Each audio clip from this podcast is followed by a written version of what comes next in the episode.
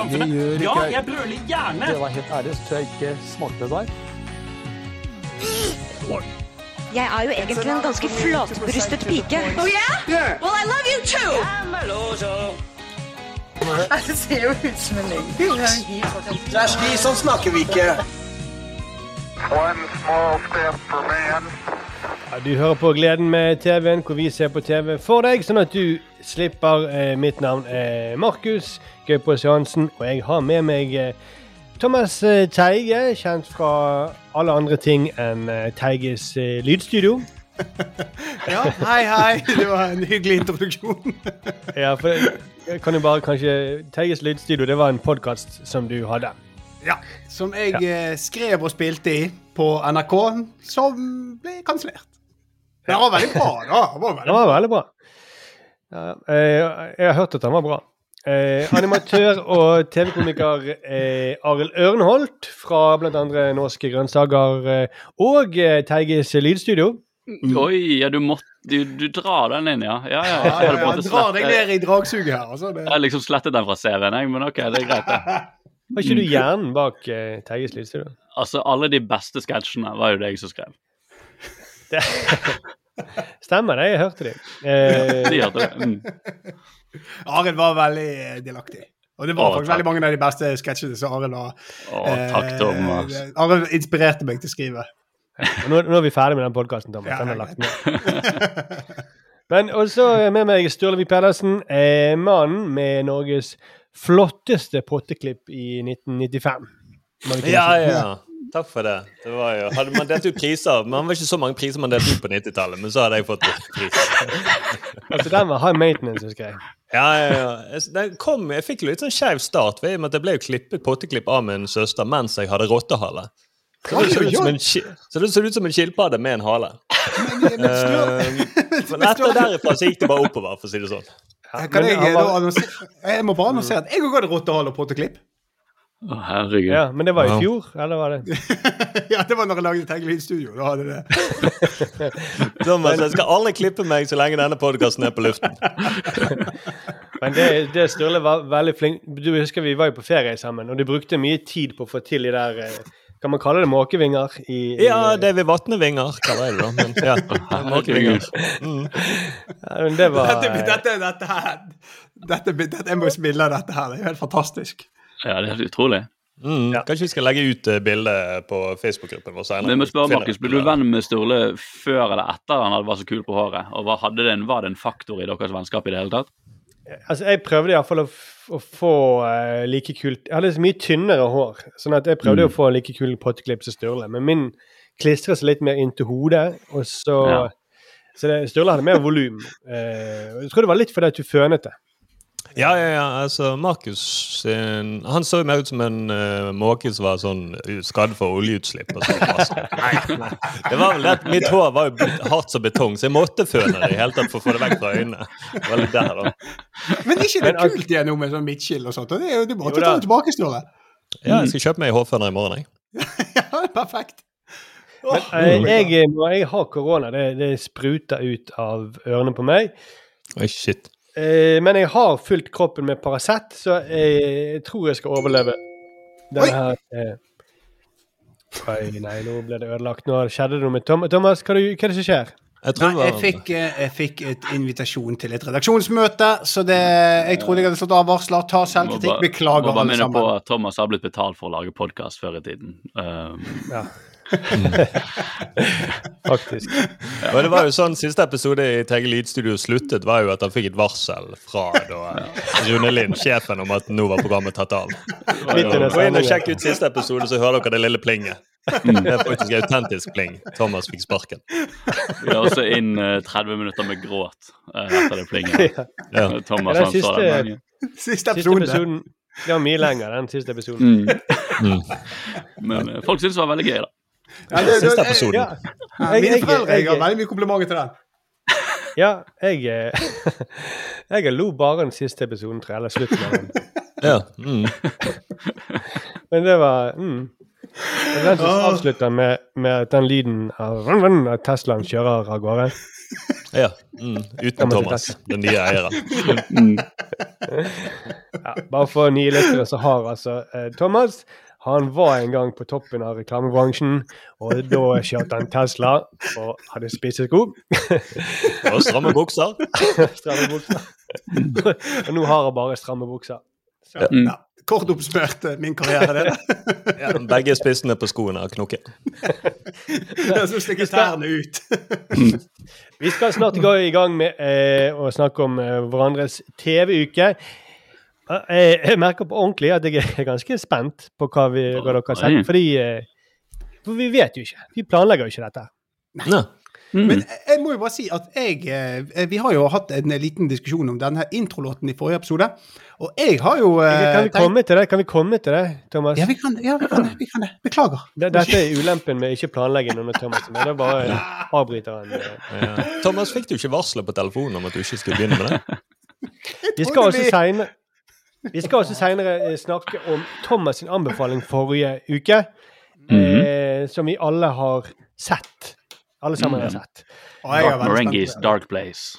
Ja. Yes, nettopp. Eh, men Thomas, du valgte å utfordre min vignett, som vi ble enige om forrige gang. Ja. Den vignetten vi skulle gå på. Så sier du kommer det et benkeforslag nå med en ny vignett. Ja. Og eh, skal vi bare spille den? Jeg har lagt eh, Det er jo basert på de samme eh, lydene. Litt annen musikk. Og så har jeg lagt på en For det, at vi, det vi har, jeg har lyst til, er at vinneren står. Og jeg har valgt en ganske slu taktikk for at dere skal få en emosjonell tilknytning til min nye vignett. Så dere er helt umulig å motstå. det, for deg er det litt sånn det viktige at, denne, at du vinner, at denne her blir den nye vignetten. Ja. Ja, da. Okay. Ja, men jeg, jeg, jeg er veldig åpen for å bli følelsesmessig utnyttet, altså. Det har vært en Da, i mitt da, dette, greit. da, håper Mm. dette, da håper jeg jeg har uh, Jeg har vært lur nå. Ok. OK. Åh. Vi gjør ikke jeg brøler gjerne! Det var helt ærlig, så tror jeg ikke smakte deg. Jeg er jo egentlig en ganske flatbrystet pike. Oh yeah? Well, I love you too! Det ser jo ut som en løgn. ski, sånn snakker vi ikke. One small step for man,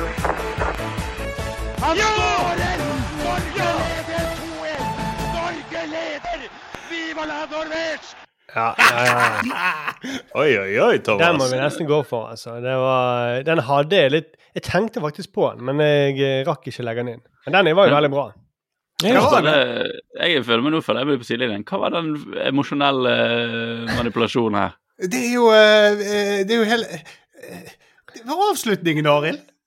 Målet til. Rekdal er Skeies rop. Altså, jeg får frysninger hver gang jeg hører det. Åh, for noen jævla fotballen her, da. Åh. Dere er så dumme. Og så funket det. Dere er så jævla dumme. Ja, Jeg trodde først det var musikken vi skulle få følelser for, så jeg tenkte hva kjent musikk er dette? Men jeg Nei, nei, nei, nei, nei, det. var bare en sånn royalty free music som jeg fant på YouTube. Jeg skal ikke legge noe Jeg, hadde hele Alt legger, ligger på siste sekundet der med Skeie. Jeg stoler Ja, ja, i Skeie sine hender. Du har ikke spilt det sjøl. Du har ikke spilt musikken sjøl. Nei, det har jeg ikke.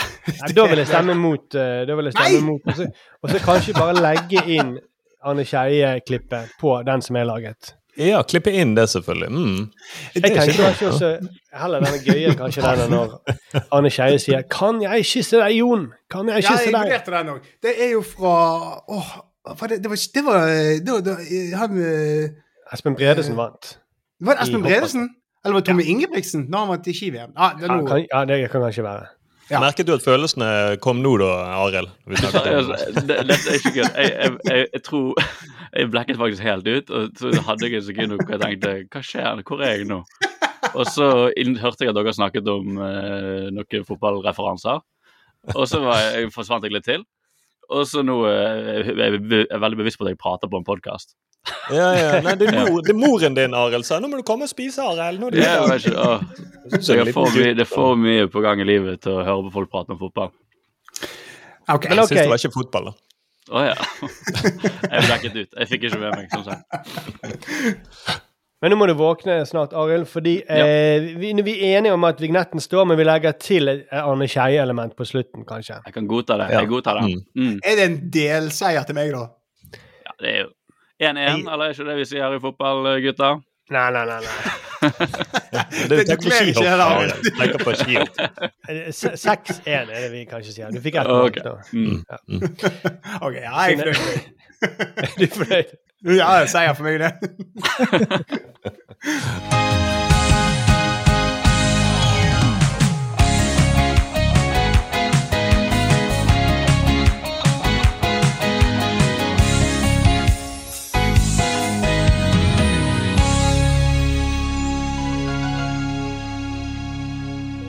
er det som er aktuelt, før vi går i gang med å snakke om vår TV-uke?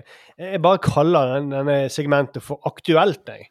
Siden det er Mm. liksom eh, eh, Vi skal snakke om aktuelle ting. ja, det tok jeg an. Har dere noe aktuelt fra TV-verden? Jeg så jo det var eh, Det er jo ikke TV i Norge, da, men fikk dere med dere den saken fra Maskorama i USA? Der eh, en av disse her eh, i kostyme viste seg å være Rudi Giuliani Giulia, hva er det er sånn uttale? Ja, dere vet hva jeg mener. Rudi Giuliani. Han, er- han er advokaten til eh, Trump der. Og Mm, eh, der, når det ble avslørt, så gikk dommeren i protest. Oi! Det er ganske, det er ganske heftig, altså. Veldig rart valg av sånn koselig kjendis i programmet, men at Mm. dommerne bare går Jeg vet liksom ikke Det er litt Eh, som i Norge hvis vi skulle hatt eh, Ja, og bak masken så er Ørjan Burøe. Ja, sant? Eller Gaute Drevdal. Ja, for det blir ikke noe familieunderholdning. Det er jo ikke noe koselig stemning å ha Nei?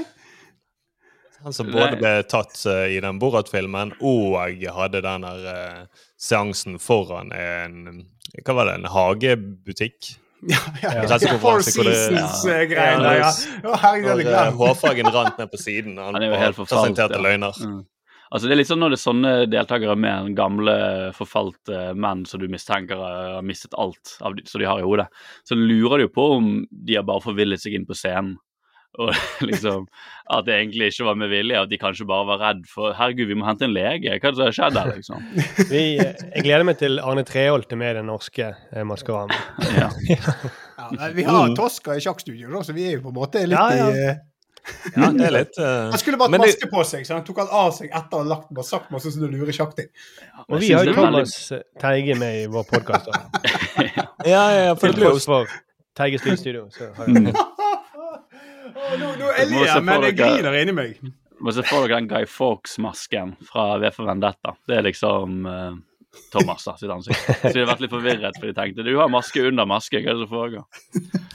Uh, nei, men jeg bare tenkte Det er også en veldig sånn innøvd move, nesten. Det føles helt sånn uh, som sikronsvømming, at to, de to dommerne går. Nesten sånn Jeg vet ikke om det har skjedd i Norge. At jeg føler vi er for høflige. Mm. Uh, Uansett hvor kontroversielt det hadde vært, så hadde vi sittet der og ikke visst hva vi skal gjøre. Det er sånn som når det kommer inn en kommer inn noe med kniv for bussen, og alle er bare sånn Ja, nei, vi bare håper han går sin vei. Og så Ja, kanskje hvis vi bare ikke reagerer på det, så går det greit, ja. ja. Jeg tror- Håper at han har, uh, håper at han har billett, sånn at det ikke blir en scene når han Jeg håper kanskje det kommer vekterne vek kommer. Jeg håper det kommer en vekter og ordner denne kniv, han som knivstikker meg. Det hadde vært veldig sånn typisk. mm. Men eh, så dere på Chonwan på tirsdag? Hva på? Hva for noe? Bare verdens mest sette TV-program. TV-program. Hæ? Jeg følte meg helt utenfor. Ja, Jeg, jeg, eh, jeg fant ut at verdens mest sette TV-program gikk på tirsdag. Eh, Mm. Det er det kinesiske programmet som heter Chunwan. Eh, og det har jeg tror det var over eh, 1,4 milliarder seere. Det er sånn gigantisk. Wow. Det er deres Kveld for kvelden.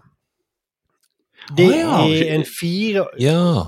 fire til fem timer lang sending hvor de teller ned til Det er på nyttår, det er kinesisk nyttår nå, da. Og så Mm. sitter de og teller ned til klokken er tolv, og hele familien sitter og spiser og ser på eh, denne her begivenheten hver eh, uke. Jeg så litt på det, faktisk, for det, det, det er jækla weird. Det, det ser ut som en sånn blanding av åpningsseremonien i OL og en eh, Coca-Cola-reklame. Altså, det er høy produksjonsverdi. Ekstremt. Kan vi bare, kan høre litt fra åpningen?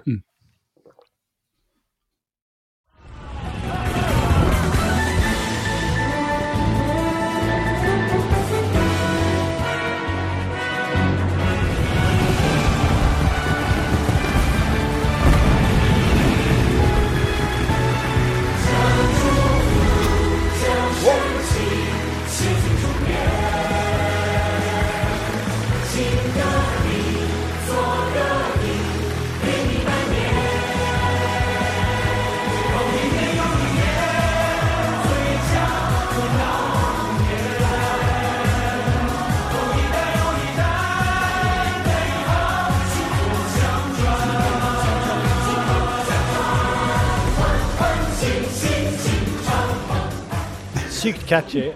Det er sikkert 500 stykker på, på scenen der. Det er, det er, og det er veldig koreografert og fint. Og jeg leste at det, det var 1000 mennesker som jobbet med dette i et år før denne sendingen. Oh. Ja.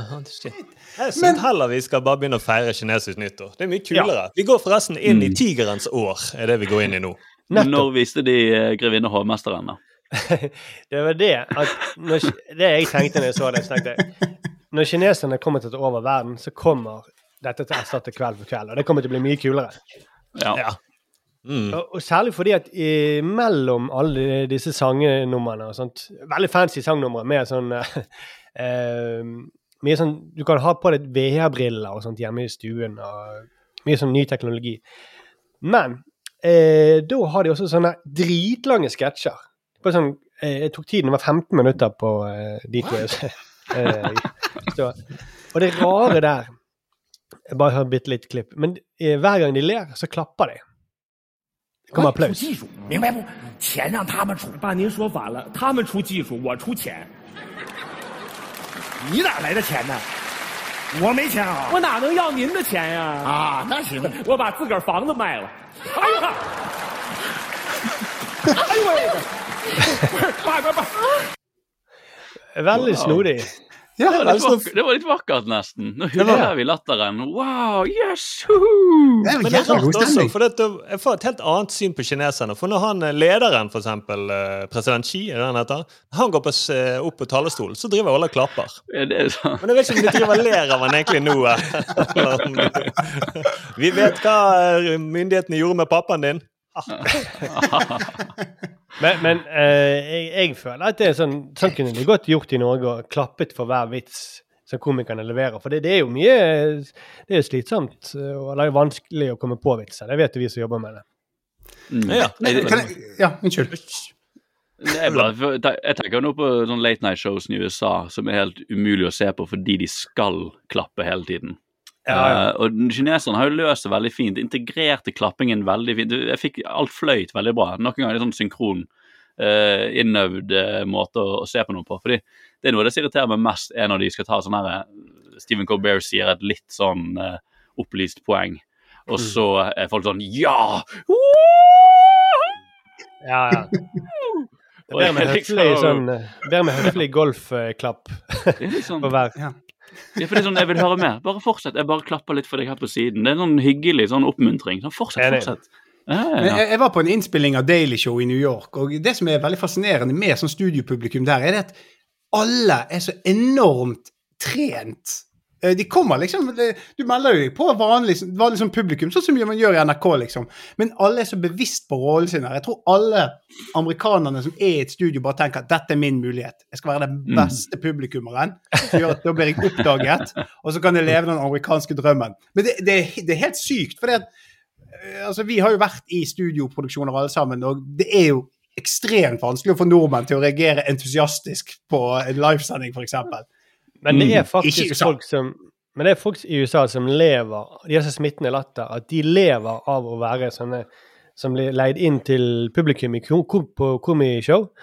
Og så sitter de Ja, profesjonelle latterpublikummere. Er det noe Ja, man trener seg til? Er det liksom, eh, for det er veldig gøy Jeg tror de bare prøver. blir plukket ut sånn Du, oi, Ja. helsike, du hadde smittende latter. Mm, jeg har lagt merke til én. Hvis du hører på Colbert Show, der det er Late Show til Colbert, så er det Hvis du har hørt en del ganger etter hverandre, så hører du en mann som ler veldig mye sånn Som hele tiden starter det. Og det tror jeg er en eller annen i publikum som fyrer det i gang. Det er ikke han Det er altså, i bandet, da. Han eh, Jeg vet ikke, eh, for jeg ser jo ikke hvem som ler, men jeg ser for meg at det er en veldig stor, rund, hvit mann som ler. Mm. Nei, John Baptiste han ler ikke. Han gjør bare sånn wow! Han gjør Ja, mer ja. sånne Ja. jazzsketting og wow, wow, wow. Er det bare meg, eller har Are et vanvittig talent for dette her? Altså, jeg kunne jo prøvd meg, da. Herregud. Sender deg til USA, kanskje? Eller vi Ja, sender altså, jeg har til jeg eh, har Kina eh, på Oh, det, ja, men det er fremtiden. Jeg vil mye heller det. USA forfaller jo foran øynene våre. Jeg får høre deg klappe, Arild. Hvordan klapper du? Ok. Altså, Det er øst møter vest, føler jeg. Ja. Tror kanskje jeg sparket ut av den åpningsseremonien. Du er rett til Eh, Qatar-VM, du, nå, Mm. åpningsseremonien der. Mm. Vi eh, jeg bare, jeg må, jeg må si en liten ting også. Alle de sketsjene som jeg så, jeg klarte ikke å se alle sammen. Det var jo fem timer lang sending. Men de handler om sånn generasjonskonflikt mellom eh, eh, de kule, trendy barna og de litt mer tradisjonelle kinesiske foreldrene. For eksempel den er jævla absurd. Sånn som jeg forsto det, det kommer to sønner hjem på nyttårsmiddag, og så er de for kule. De vil ikke gi penger. De prøver å holde hemmelig at de har masse penger. Så de, de vil ikke dele det med foreldrene. Men så faker faren at han er syk. Han går rundt med sånn der drypp. og så ok, greit, vi får få noen penger likevel, da. Jævla absurd. Det er vittig, da. Det er jo morsomt. Men, kan jeg spørre, hvorfor, hvorfor så du på dette her? Hvorfor så du på dette her? Vi skal lage, vi lager podkast. Det handler om TV. Det mest gang, du har, du har blitt betalt for å lage podkast en gang i livet. Man gjør litt sånn jobb, da.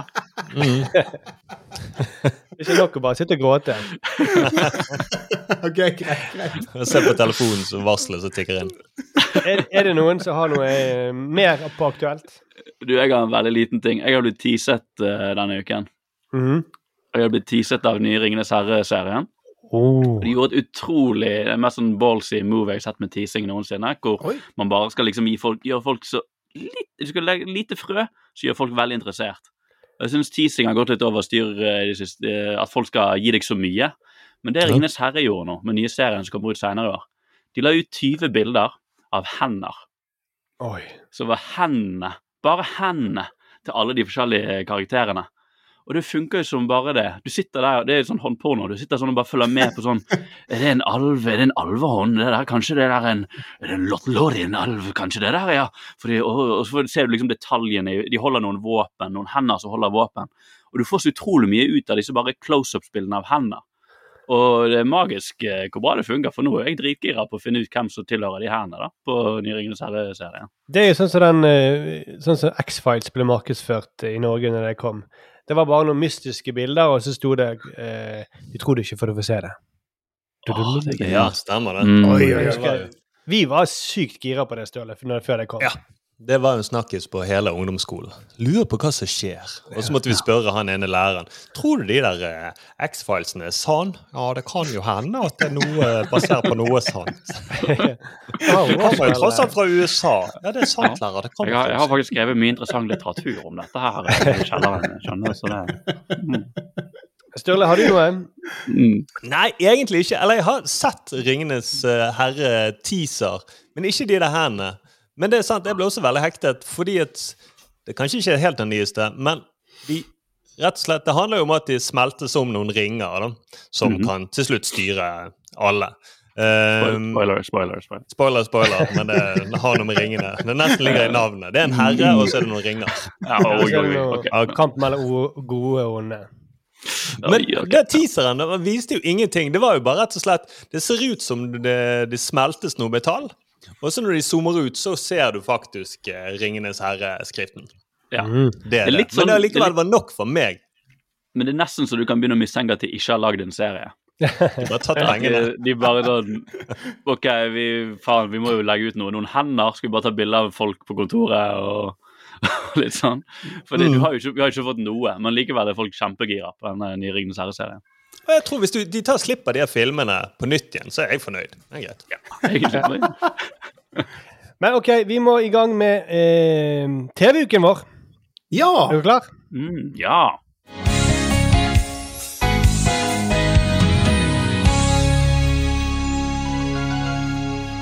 Sturle, hva har du sett denne uken her? Jeg har sett, jeg trodde ikke jeg skulle gjøre det, men jeg så rett og slett en ny dokumentar på eh, NRK. Nei. Rikets sikkerhet med Oi. Arne Treholt. Oi, oi, oi. Ja, ja, ja. En gammel, eh, gammel dokumentar. Gammel Ja, dokumentar. gammel dokumentar. Det er det ny, handler Jo, den er ny, men uh, rett og slett altså, Jeg vet ikke om dere kjenner til det, men det handler om fallet til Arne Treholt. Kanskje ikke alle har fått med seg, men han ble jo dømt som spion på 80-tallet. Jeg vet ikke om dette er noe som bare gjentar seg hvert femte år, og så kommer Stanghell ut. Men uh, det var faktisk Jeg var ganske kritisk, men det var jo en rett og slett bra episode. I og med at det var jo veldig I forrige episode så var jo jeg så grinete når jeg hadde sett denne Brennpunkt alt for Kina. ja. For her var det jo rett og slett ingen eh, Det var ingen eh, dum fortellerstemme. Var det sånn eh, Nei. rett og slett NBA uh, Last Dance? Var det ja, så bra? nesten, nesten det nivået. Altså, så du skjønner at, Jeg tror det er Monster-produksjon som har gjort det. Så du skjønner De har vært i USA og så sugd til seg litt. Så det at eh, hele dokumentaren drives jo framover at faktisk intervjuobjektene det er de som forteller det som skjer. Ja, det liker jeg Kommer godt. Ja, det liker jeg. Og så der det ikke er mulig, så har de bare brukt en tekstplakat. Nettopp. Og da tenker jeg sånn i mitt hode å, bra det dette ikke blir lest opp, for da blir det ganske teit. For da kommer den nedlatende stemmen, som vi snakket Ja. litt om uh, forrige gang. Ja. Visste du at Arne Treholt han var en skummel mann? Mm. Litt sånn. Arne, mm, Arne Treholt ble jo dømt, men før det så skjedde det noe annet. Ja vel. Men jeg bare den episoden handler veldig kort om at MI6 og dette visste jeg ikke. Kontaktet FBI på begynnelsen av 80-tallet og sier at dere må spionere på en norsk borger som i New York. Han jobber da i spesialkommisjonen FN. og Han kan da være spion for KGB. Og det vil jo da, Han er så høyt oppe i systemet og kan klatre enda høyere opp i systemet at dette kan true Nato. Og Norge, sier de, men jeg tror MI6 bryr seg mest om eh, Nato. og så er det kult, for det de har da det vet, de har to eh, agenter, Jim og Barbara. De får oppdrag å spane på trehold. Og på den tiden de sier sånn det er vanskelig å kjenne igjen trehold, for han ser litt sånn Clark Kent ut. Men det slår med alle bildene fra den tiden. Helt vanlige folk også. Alle ser jo ut som spioner. Treholt ser jo ut som sånn Roger Moore-spion. Og alle de andre også ser ut som en sånn spion som går rundt, løper rundt med en sånn litt for liten pistol. Men alle, alle på den tiden på begynnelsen av 80-tallet, i USA iallfall, ser ut som spioner. Jo, men våre fedre òg så ut som spioner, Sturle. Ja, det er sant. De gjorde det, rett og slett. Og Lang, lang fatt og hakk og koffert og Ja, det var, det var noe med hele looken. Og, eh, og eh, konen til Treholt, Kari, som ikke har noe med det å gjøre. Hun var jo bare konen hans. Men hun så jo også ut som spion på de her sort-hvitt-bildene. Ja, for jeg husker hjemme så hadde vi jo, når min far leste avisen, så hadde han sånn der klippet ut to hull til øynene. mm. Få se om dere drev og rørte den der eh, svart-hvitt-fjernsynet. Men kan si Ja. Jo, nei, det Eller hadde du noen familiemedlem som faktisk var spioner, Thomas? Eh, Nei, nei, jeg syns det høres litt ut som det dere beskriver er blottere. Det hadde ikke vi i familie, men vi hadde der jeg bodde. Der hadde vi Ja, sånn som klippet hull i, nedi frakken. De er på en måte, det mot, de er på en måte motsatt av spioner. Det er de har lyst til, liksom. ja. ja, De vil bli oppdaget. Det, det er ikke det blir hemmelighold der, men det er lage frakker og hatter. Så du trodde at når det kom en mann og viste framtissen sin til deg, så du trodde du han var spionen, Thomas? Ja, han sa jo Wow, en ekte pistolen spion. min. Men det var ikke det. Det som er vittig, syns jeg, er at de har jo Du får jo se bilder når de var yngre, disse spionene. Alle amer- de her agentene, FBI-agentene. Men så får de også til å gå rundt de eh, ruten som de gikk i New York når de spanet på eh, Treholt for 40 år siden. Mm. Og så Wow. må de gå litt sånn for å vise ja, det var sånn vi gikk. Og det er veldig tydelig at den ene agenten, Tim, han har ikke gått mye rundt de siste 30 årene. Han ser så Han peser så sinnssykt mye. Han ser ut som en sånn amerikansk turist, turist som prøver å skynde seg gjennom bryggen på Bergen før cruisebåten skal gå. Du ser at det var shit. Ok, folk går litt grann nedover gaten og viser. Men det syns jeg påfa påfaller ofte i sånne eh, dokumentarer som det. Når de intervjuer en sånn erfaren FBI-agent eller CIA-agent, så er de ofte sånn. De, de, Ja. har, de, har, de har vært ute i felten, vært veldig trent, og så har de bare eh, forfalt på et eller annet kontor. Mens de Ja. har blitt eksperter. Det er, Mm, liksom, det er ikke sånn, sånn som med fotballspillere òg. De liksom har vært de er så lei av å være topptrent, på en måte, så når de endelig får lov til å bare forfalle litt Han har jo- De har tenkt så lenge han, hvor mye han har vært ute på gaten og spanet på folk, vært ute i frisk luft i sitt liv. Mm. Og endelig pensjonerer seg, så sitter han seg bare foran TV-en og chiller. Ja, Så det samme som skjedde med Thomas etter Tegges lydstudio. Ja. Det var da de der spiseskoene knakk og buksene revnet. Nei, nei, nei. Jo, men jeg tror han agenten han har jo, hatt, han har jo sikkert hatt en sånn Wolverine-aktig eh, forbrenning når han var yngre. Og så bare fortsatte å spise de donutsene som han satt og spiste i bilen. Og så noe har skjedd med forbrenningen etter hvert. da. Det er et eller annet som har skjedd med den. Men det som er imponerende med de her, er jo at de er fantastisk, de amerikanske er fantastisk flinke til å formidle og beskrive det de gjorde. Altså, det er utrolig Kanskje alle amerikanere egentlig er så flinke til å snakke på TV. For det er aldri noen halve setninger. De hopper ikke fram og tilbake i tid i setningen. Aldri noen nøling. Vel, vel, de er fantastisk flinke. Et eksempel er når Treholt han bodde først på Long Island. Som jeg, jeg visste egentlig ikke at det var et kjempestort område utenfor Manhattan. Men da bodde han i en gate som var nesten umulig å spane på, for det var eh, veldig oversiktlig. Sånn at hvis han var i huset sitt, så kunne han se alle som satt i biler rett ved siden av. Mhm. Og så plutselig så flytter han eh, Arne Treholt da til eh, Til eh, de her eh, Til Manhattan. Vi hører hva de sier her. It's time to move to Manhattan, guys. yeah. Jeg får ikke om Det kommer snart. Fantastisk For the bra amerikanere. Jeg er Ja, ja. Det han basically sier, da Han sier egentlig I'm never gonna put down any weight. Det skal vi høre, da. Skjønner at jeg kunne aldri blitt en amerikansk agent. Skal vi se. Everybody makes mistakes in their lives. But Mr. Trey Holt moving to that residence in Manhattan was the biggest mistake of his life. Because he was in our backyard now. And that changed everything. Wow. Snakker jo Ja, det er rått. Helvete, da er du ganske hardcore, egentlig. Snakker som en trailer. Ja, det var det jeg også rett og tenkte. Men jeg tror faktisk også at jeg, for jeg har sett så mye TV, at jeg hadde også vært et bedre intervjuobjekt hvis jeg fikk lov til å snakke engelsk. Ja, Så, Oi. eh, Det er en ganske eh, kul påstand å komme med her. eh. ja, men jeg tror bare liksom man er mer, det er kulere, det er filmspråket, ikke sant? Mm. Jo, jo. Fridge, the fridge was calling to me in the middle of the night. I heard it screaming for me to get some uh, milk. Ikke sant? Ja, ja, Det er? Jeg tror ikke du var jeg klarer lag- det, da. Det er du helt oppe ja. Og, altså, Jeg tar- jeg spør et intervjuspørsmål. Ja? Uh, Tiger Lyd Studio, det var jo en flopp. Men hva er det neste prosjektet ditt? Well uh, Skal jeg svare på engelsk? Ja, Ja, jo, det er Tiger Lyd. Studio, was a goddamn mess. Uh, we, we can all agree about that. It's all over the papers. Uh, but, uh, you know, well, uh, what's your next project? Well, you see, um, I have to uh, think about it for a while. Altså, så elendig. ja, nei, jeg skal Ja. Nei, men, men det choker bare helt vanvittig her, kjenner jeg. Det er Ja, ok. eh, Jeg tror ikke det kunne reddes med noen bakgrunnsmusikk i verden. Thomas. Sorry. Du må se mer, eh, se mer Aaron Sorkin-programmet, Thomas. Da tar nailer du de der. Oh, nei, det var svak. Mm. Jeg, eh, men det uff. Men det hørtes litt ut som. Teiges uh, lydstudio, da. Hva sa du nå? Det hørtes litt ut som Teiges lydstudio, faktisk. Ja.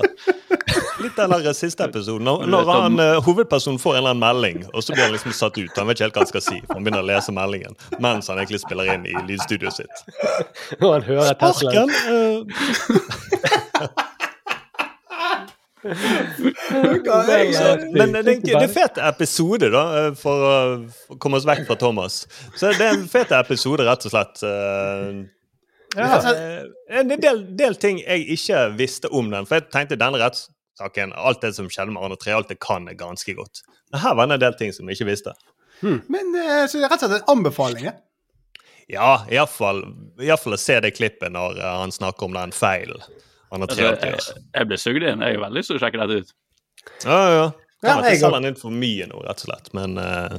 Nei da, må ikke være redd for det. Jeg, eh, Nei. jeg så uh, Altså, jeg, jeg, jeg, har- jeg, trodde ikke jeg kunne alt om Arne Treholt-saken. Men det er litt, det er litt sånn eh, eh, som, Litt sånn som krigen. Det er så mange andre som kan så utrolig mye om det. At jeg tenker Ja. "Nei, Jeg vet the basics. Det var Hitler, og så var nazistene de dumme, og så mm, Han er trealt var spion. ja, han uh, gjorde noe han ikke burde ha gjort. Ja. OK, men det, det var, eh, det var din TV-uke, Sturle. Det var det du ville trekke fram. Ja, det, jeg vil trekke fram det. ja. Thomas, hva har du sett denne uken?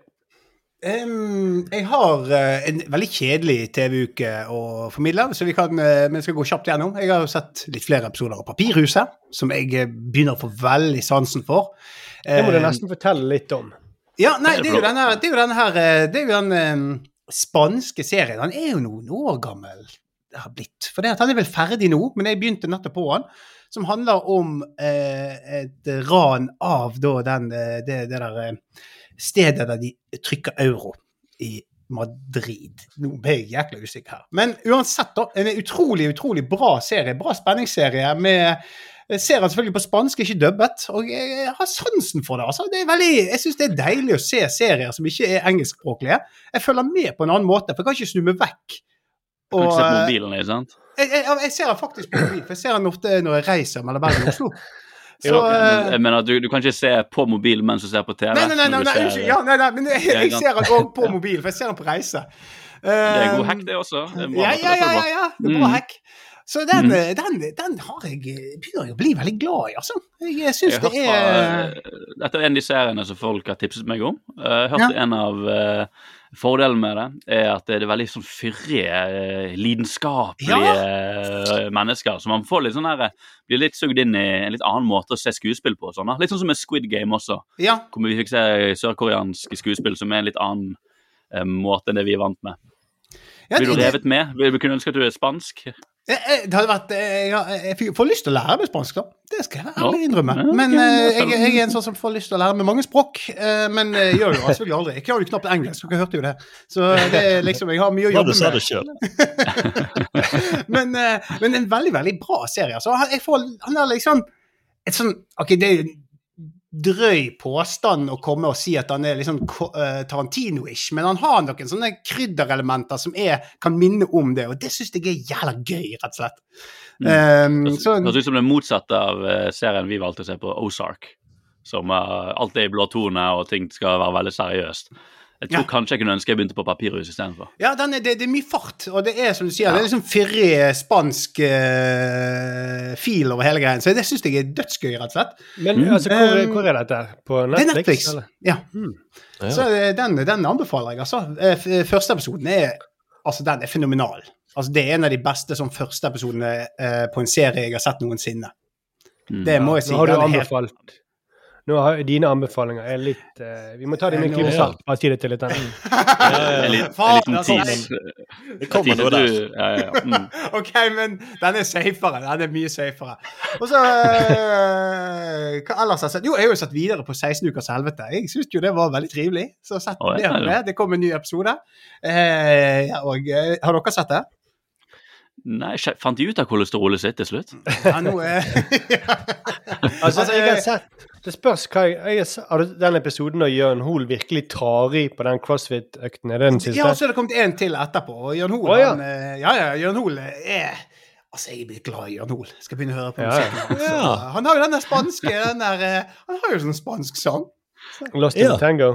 Ja, ja. Ja, ja, ja. ja. Så den, den Det er ditt nivå på spansk, Thomas. Det tenker jeg. ja, det Argentinsk. Men Argentinsk. Argentinsk. Ja, Ja, ja. ja, egentlig det. Hvis ikke det var finske Nei, det er ikke så mye senoritas i Finland. Men, men jeg har også begynt å se videre på uh, 16 ukers helvete. Og jeg får sansen for uh, Jørn Hoel, altså. Ja. Han uh, gir jo alt i den ene crossfit-øvelsen. Ja. det, det er veldig gøy. Martin Jonsrud Sundby var jo veldig overrasket at han faktisk klarte dette. Mm. Og Og så synes jeg, rørende. ja. Ja, rørende, vil jeg si. Mm.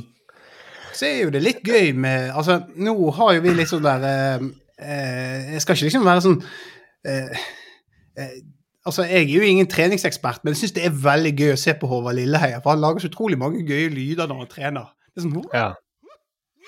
Han lager veldig mye sånn. Og jeg, jeg, eh, jeg skal ikke si at jeg er den kuleste når jeg trener, men jeg ler litt over Lilleheia. Altså. Jeg gjør det. Og så sinnssyk innsats, men så han glemmer eh, lydbildet. Det en eh, Ja, det, det betyr at han tar det seriøst. Ja, det er jo det er verste med folk Det verste med folk skal trene på en sexy måte. Det, Ja, nei, det- det liksom, Du får det ut. Du kan svette, og om du bæsjer på deg, det går fint, det òg. Tenker jeg. Nei, det der, det, det, det vet ikke jeg. Jarl. Jeg tenker fordi at alle i dette programmet er så gamle, så må det jo skje før eller siden. Men det bare plopper ting jeg, tror, jeg tror det er derfor de der eh, En amerikaner ville aldri bæsje på seg når han trente. Han er en FBI-agent. Derfor har derfor han sluttet å trene. Ja. Derfor, fordi at han eh, ikke måtte, ville bæsje på seg. Nei, jeg tenker jeg holder, jeg holder dette heller inne. Resten av livet. Ja, resten av livet. Men det vittige med i den eh, 16 ukers helvete, den episoden jeg har sett, er jo når de, nå, nå, nå er de halvveis, nå skal de veies. Uh, alle gjør det bra, da. Alle går ned et kilo. Men Lilleheie var jo veldig skuffet, for han var den som gikk minst ned. Ja. Og så så jeg rett etterpå, når jeg hadde sett den episoden, så klikker jeg meg inn på VG, og da ser jeg Håvard Lilleheie, Camp Culinaris. Ja. Ok, Det var ikke så rart at han uh, ikke klarte det kostholdet. ja, men han kom jo rett fra Altså, han kom jo Første episoden så er han jo ikke med, for da er han på Stemmer. Camp Culinaris. Mm. Ja, Han, han er driver jo med sånn han driver jo med sånn reality-basert kosthold.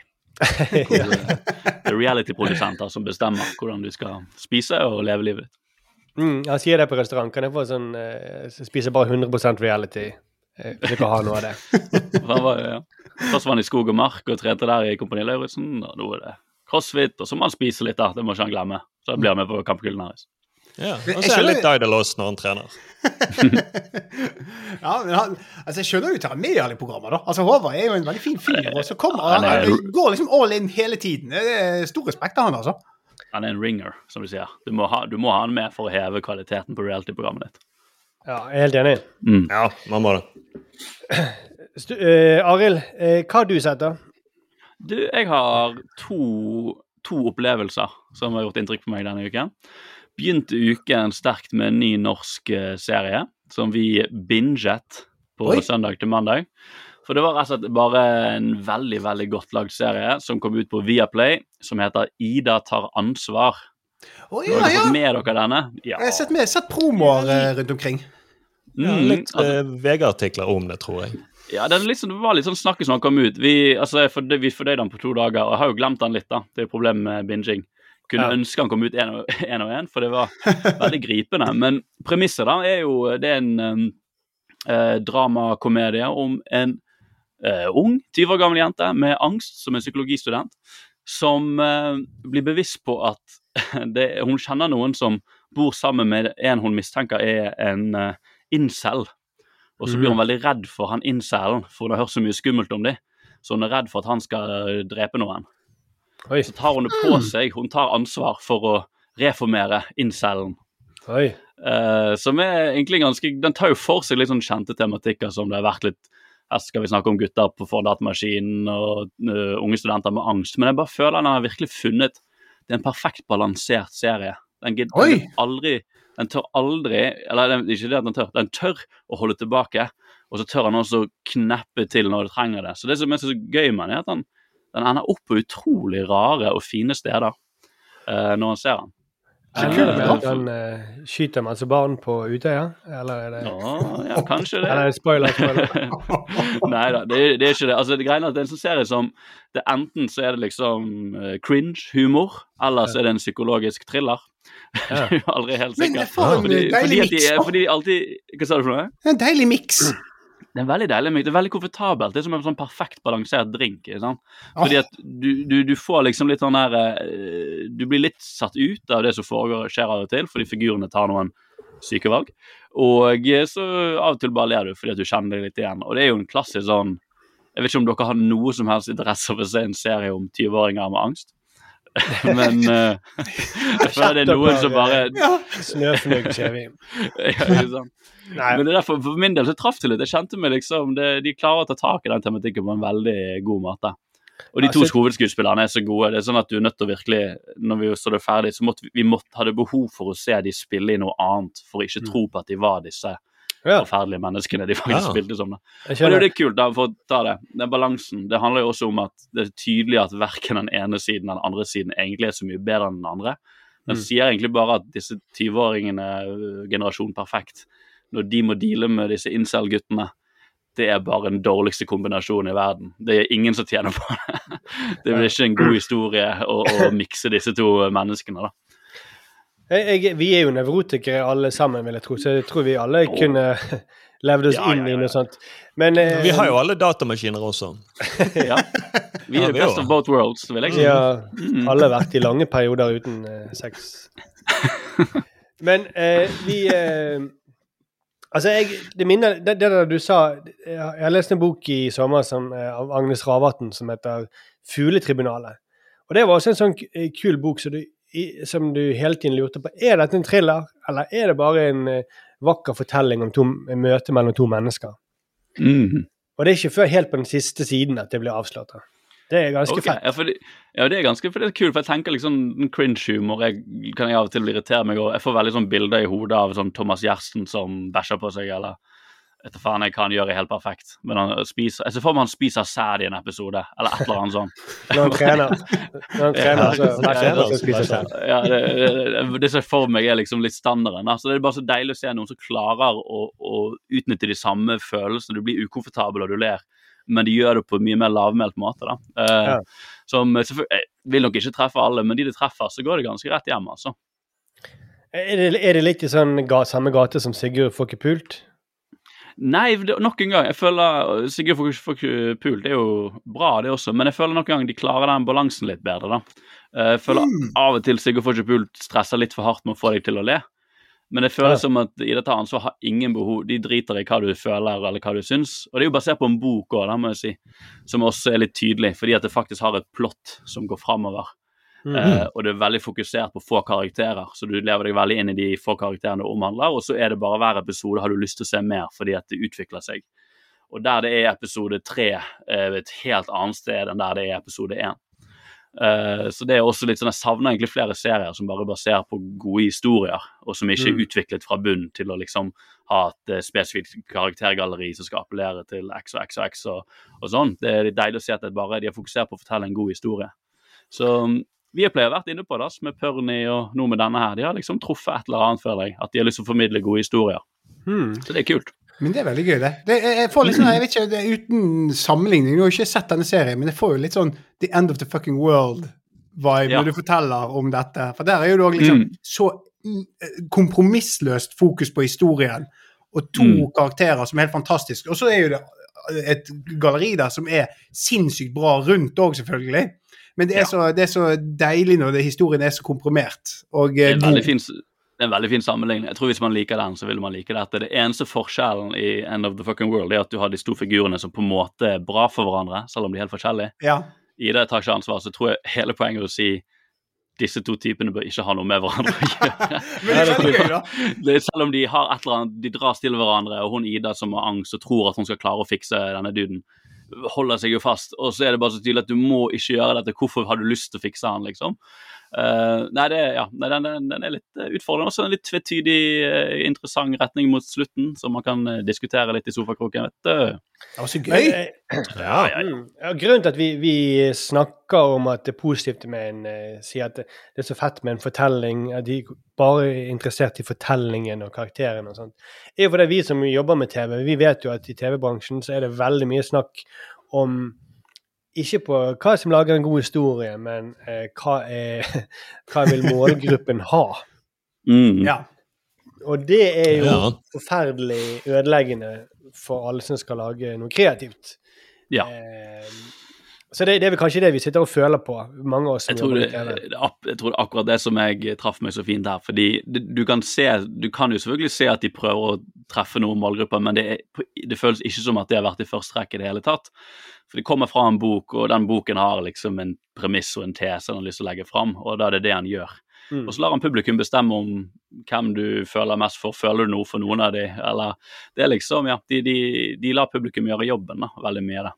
Uh, og så kan jo hende noen bare ikke vil se fordi at det kan være tvetydig hva man skal føle for disse figurene, for de gjør mye dårlige valg, kanskje. Eh, så kan man bli litt sånn usikker på hva man skal føle, men jeg tror de har klart å treffe noe relaterbart da, helt innerst inne. Så det er kult. Og Det er det kanskje at oppskriften egentlig at det kommer fra en bok, da. At, eh, for jeg Mm. vet ikke om det er vanlig at forfattere driver og eh, finner ut hva vil målgruppen. Nei. Hvilken bok vil målgruppen ha, og så skal jeg skrive boken ut ifra. Som oftest mitt inntrykk av forfattere er jo at de faktisk har en idé, de har en historie de har lyst til å fortelle. Og så får det bære eller briste, da.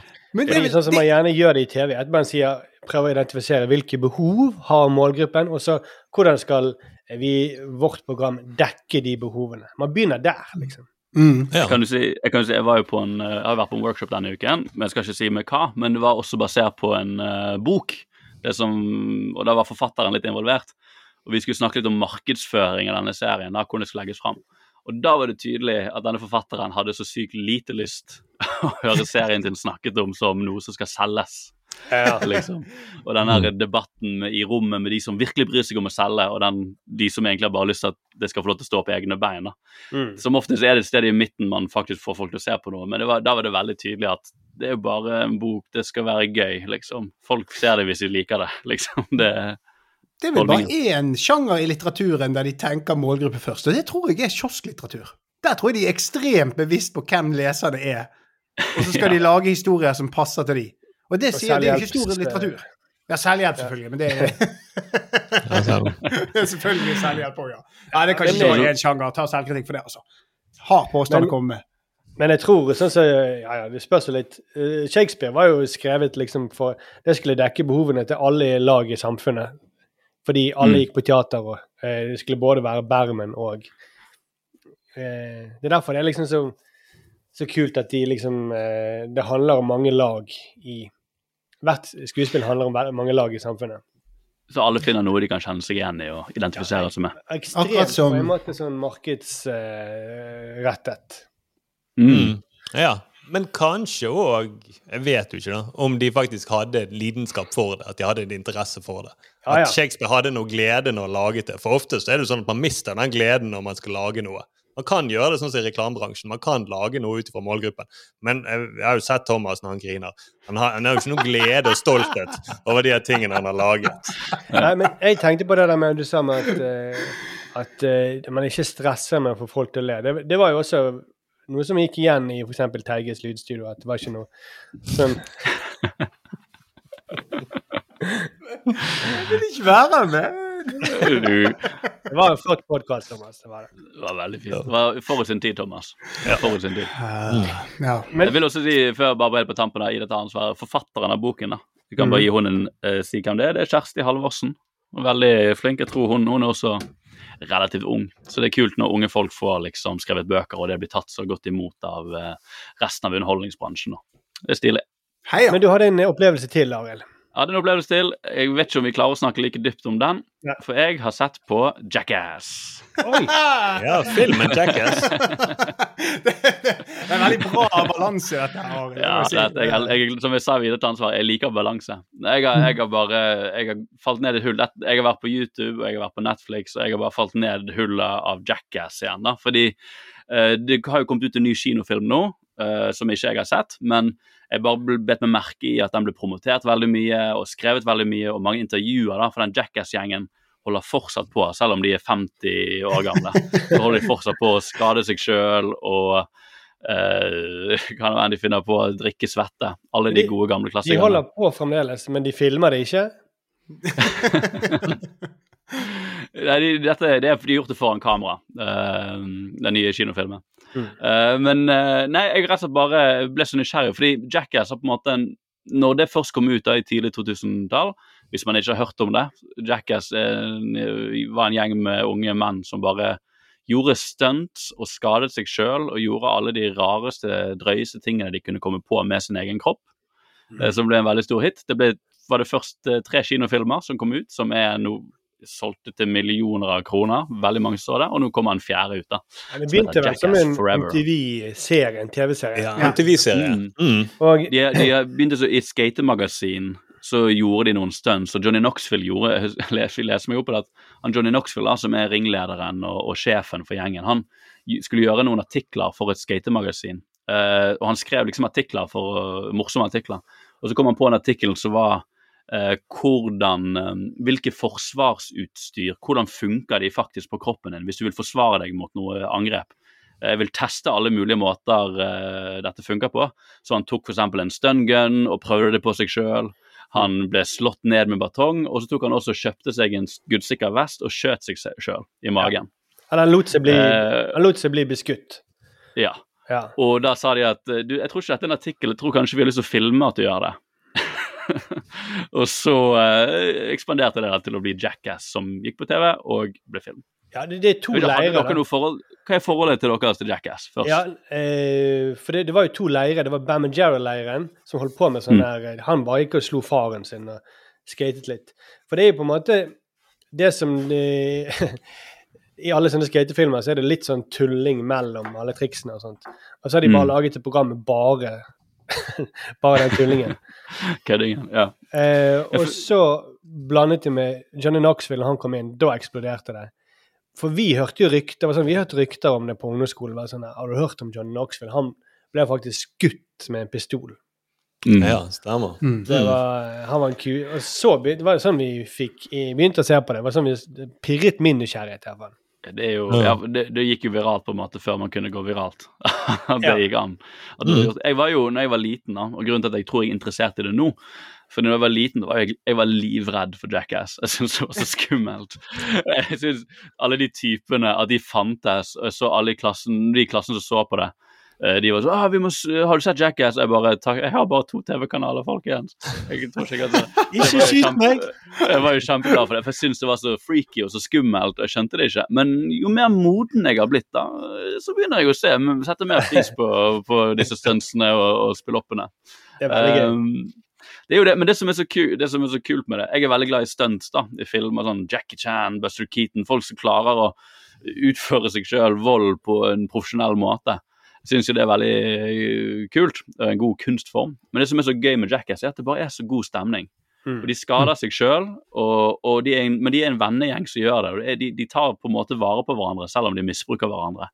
Og Det er noe utrolig wholesome ved det. egentlig. Det er jo den hem store hemmeligheten til Jackass, at det egentlig er skikkelig wholesome. For du har denne vennegjengen som eh, setter livene sine på spill foran hverandre og backer hverandre opp. Det, det er noe vakkert med det, nesten. Det er, altså, Jeg har et uh, veldig romantisk forhold til Jackass. Det var jo når ja, det kom på 2000-tallet, sant, så vi var sånn 15-16-17 år der når det var stort, liksom. Og uh, Tom Erik, som er en av mine aller, aller beste venner, han var jo primus motor for Jackass Fyllingsdalen. Det må jo ha vært enda drøyere. Hva var det? Ja, Dere, det var- dere knivstakk hverandre. Og... Jeg husker, jeg husker noen av stuntene de gjorde. Det var blant annet på eh, Det var, det var en som heter Kim Sigmund på Meny på Oasen. Han eh, gikk eh, Kan jeg bare stoppe deg der, Thomas? Bare, Tom Erik høres ut som Jackass fyllingsstandard. Hva var den andre? Kim Kim, Sigmund. Kim Sigmund. Ja. ja. og han, eh, han i hvert fall badet i denne hummertanken på Meny på Oasen. Og så var det mye det var mye sånn ta av seg buksen og gå gjennom galleriet. og Det var også filmet kjeltene. Shelton? De, de var jo på en måte forut for eh, hele det er jo, Nå er jo det veldig vanlig på YouTube at folk gjør sånn her eh, challenge og plager seg sjøl. Mm. Men eh, jeg vil si at originalen er holder seg jækla bra, da. Eh, Jeg gjør det. for- Men det, ja, unnskyld. det, det, det er bare så spektakulært også eh, når de gjør det. Det, det er så rått. Det, det å skyte seg sjøl, det er jo helt det er vanskelig å toppe det, da. Ja, det, de der, når, når han, blir, han har blitt uh, trampet ned og stanget av så mange okser. Ja. Altså, Det er helt sykt.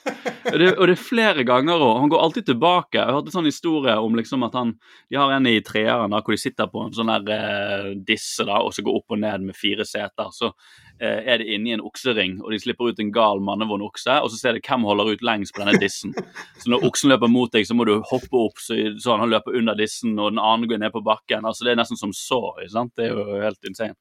Um, og da eh, leser John Knox Alle de andre stikker jo med en gang. Uh, og uh, bare beiner av gårde, for de blir jo livredde etter å ha blitt truffet litt av oksen. Men eh, Johnny Knoxville han blir sittende. Og så blir han stanget litt av oksen og blir lagd litt helvete med oksen, så han stikker av gårde. Og så hørte jeg regissøren av den si at Johnny Knoxville følte at de ikke fikk et bra nok opptak. Så han spurte med en gang sånn Ble det bra? Fikk du det med? Og han regissøren bare Ja, herregud, all good, du nailet det. Og så han Jeg følte ikke at vi helt fikk det, jeg, altså. Og så bare hoppet han inn igjen Oi. og bare slengte seg inn og blir bare mol altså molestert av det oksehornet rett inn i magen.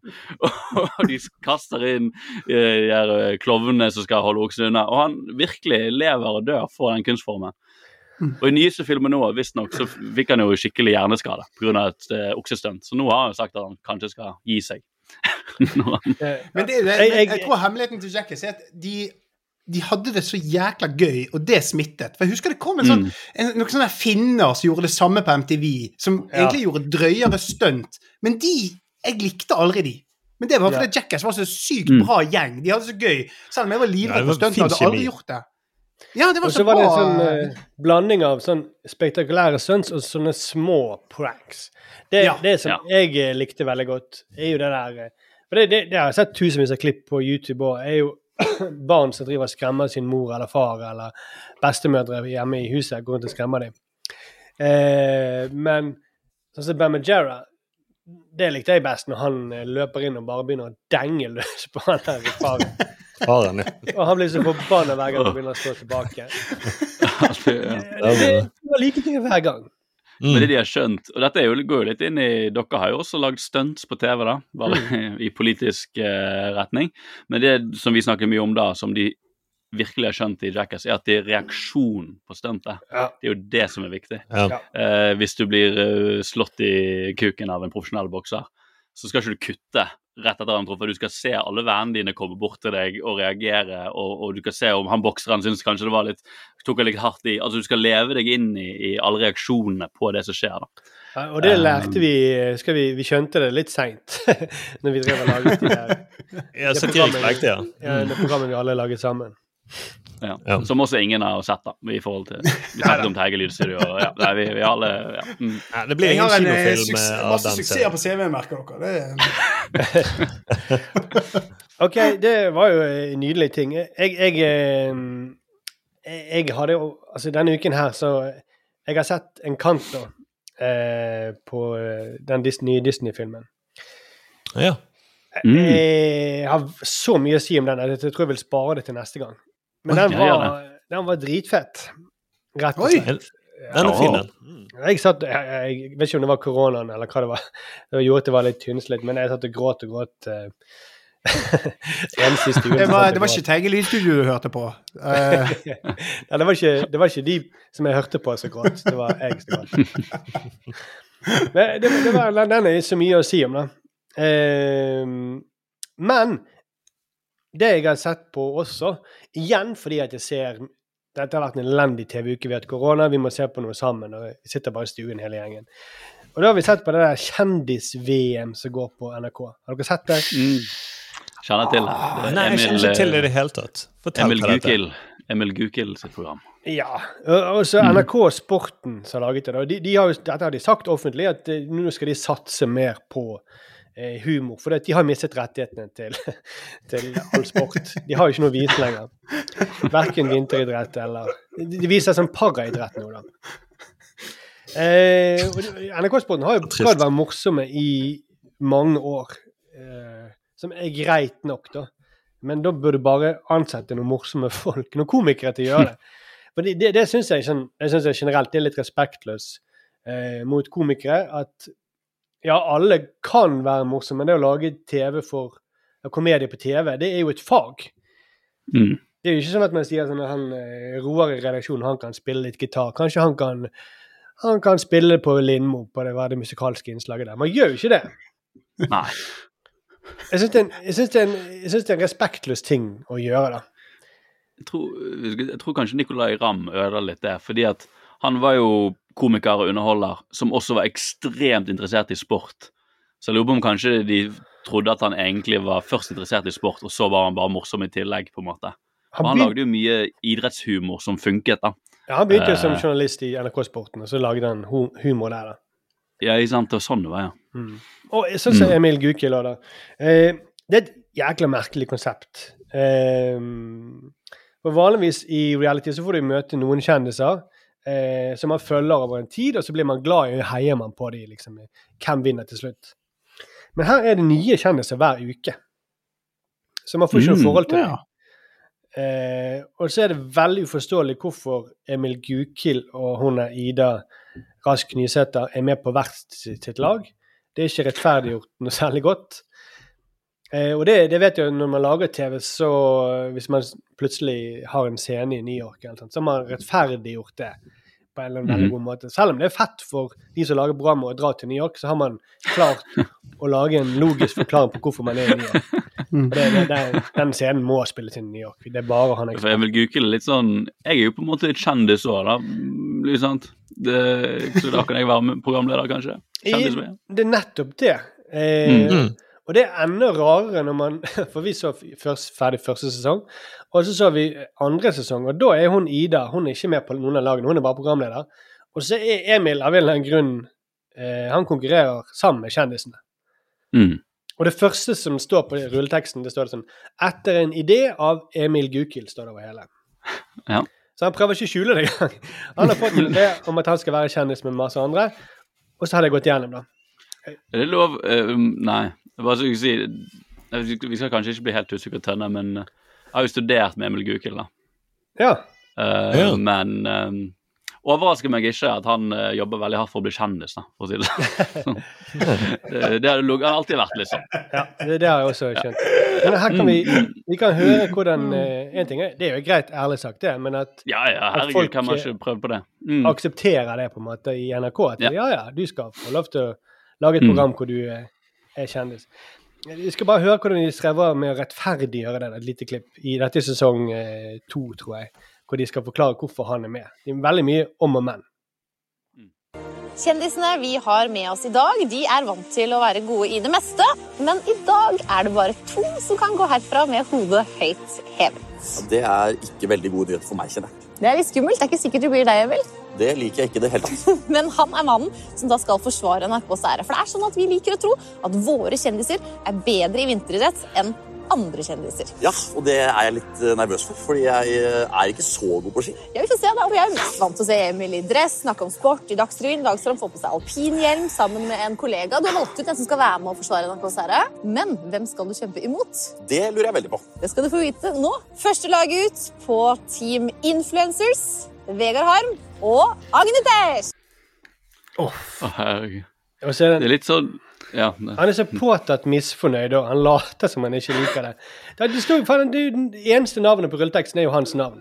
Det var litt som å, det var litt som å Jeg bare fikk sånn, det var sånn følelsen av å lese Simmerillion bare for å finne ut hvorfor trær kan snakke Ringenes herre. på en måte. sånn, det kan ikke bare, Vi må faktisk forklare det. Vi har en forklaring. altså, Det er jævla kompleks. og Han er kjendis, sånn han er i NRK, han har jo vært på sport, så nå går, Han går med dress, ikke sant? men nå går han sånn. altså, Jeg liker at de la vekt på at han har gått med dress. Gått med dress eh, i motsetning til andre som har konfirmert seg. Så. Og han går med dress, og nå skal han ha på seg hjelm. Så nå må, de- må de også forklare på forhånd. Og Kjendiser går jo med dress, ikke sant? Også. Det er sånn. Og, men aldri med hjelm. Og så er han sånn Så er han så påtatt at han sier sånn Og jeg er jo veldig dårlig på ski. Han er jo dritgod på ski. Altså, han er jo dritgod i det. alle øvelsene de gjør. Han er best. Han har jo designet programmet. Han har jo lagd programmet. Ja, men ikke sånn at han faktisk vinner i sesong én òg? Jeg tror han vinner hele driten. Jo, i sesong én er han enda teitere, for der er han både programleder og deltaker. og Vinner. Og vinner, tror jeg. Og det er jo Litt sånn, men til og, med, til og med Farmen har liksom tatt selvkritikk på at Tre God kveld Norge-kjendiser er med som deltaker, og skal intervjue sine andre meddeltakere. Men jeg føler dette har bare gått helt under radaren. Ja. At det er jo så korrupt det går an å bli. Det er kjempegøy. Så han, han, sesong én så er han deltaker, og han er da programleder. Og han har ideen bak, og han vinner. Og det er han sjøl som tar medalje på seg sjøl og kysser Ja. seg sjøl på kinnet. Det er litt sånn som når jeg spilte sjakk med min bror da jeg var liten. Han vant uansett. Han fant bare på reglene underveis. Det er litt samme greie, liksom. Er kanskje medaljen i det programmet en stor medaljong hvor du bare står 'kjendis'? Ja. Mm. Det er bare Emil eh, VM, og Emil vant. Fra nå av kan du kalle deg kjendis. Og det står på medaljen. Ja, det er sant. Eh, Så kan du ta av deg hjelmen og bli kjendis. Men det skal han ha, da. Han skal, ja, men det han skal ha, er iallfall at han, han har ikke tenkt på målgruppen. Han har tenkt på sin egen idé og det han brenner for. Det er veldig bra, og det må vi støtte Ja, han for. det er- Ja, det- det, det- setter- det setter vi pris på. Ja, ja. Det er ingen, plutselig har de glemt å tenke på målgruppen i NRK. Det er veldig rart. ja. veldig- En glipp. Men jeg tror eh, kjendis trumfer målgruppe. Det tror jeg òg. For dette er også litt sånn Det minner jo om eh, sånne konsepter som eh, florerer. Sånne konkurranse med reality-greier rundt, og så er det kjendiser. Og det er de samme kjendisene også. Det, det er bare sånn Det er ikke alle slags kjendiser i Norge. Det er en liten klikk med virker som en liten vennegjeng. Sånn eh, Jenny Skavlan, han Follestad, Vegard Harm, eh, Fingeren, Henrik Fladseth, som er i alle disse her eh, produksjonene.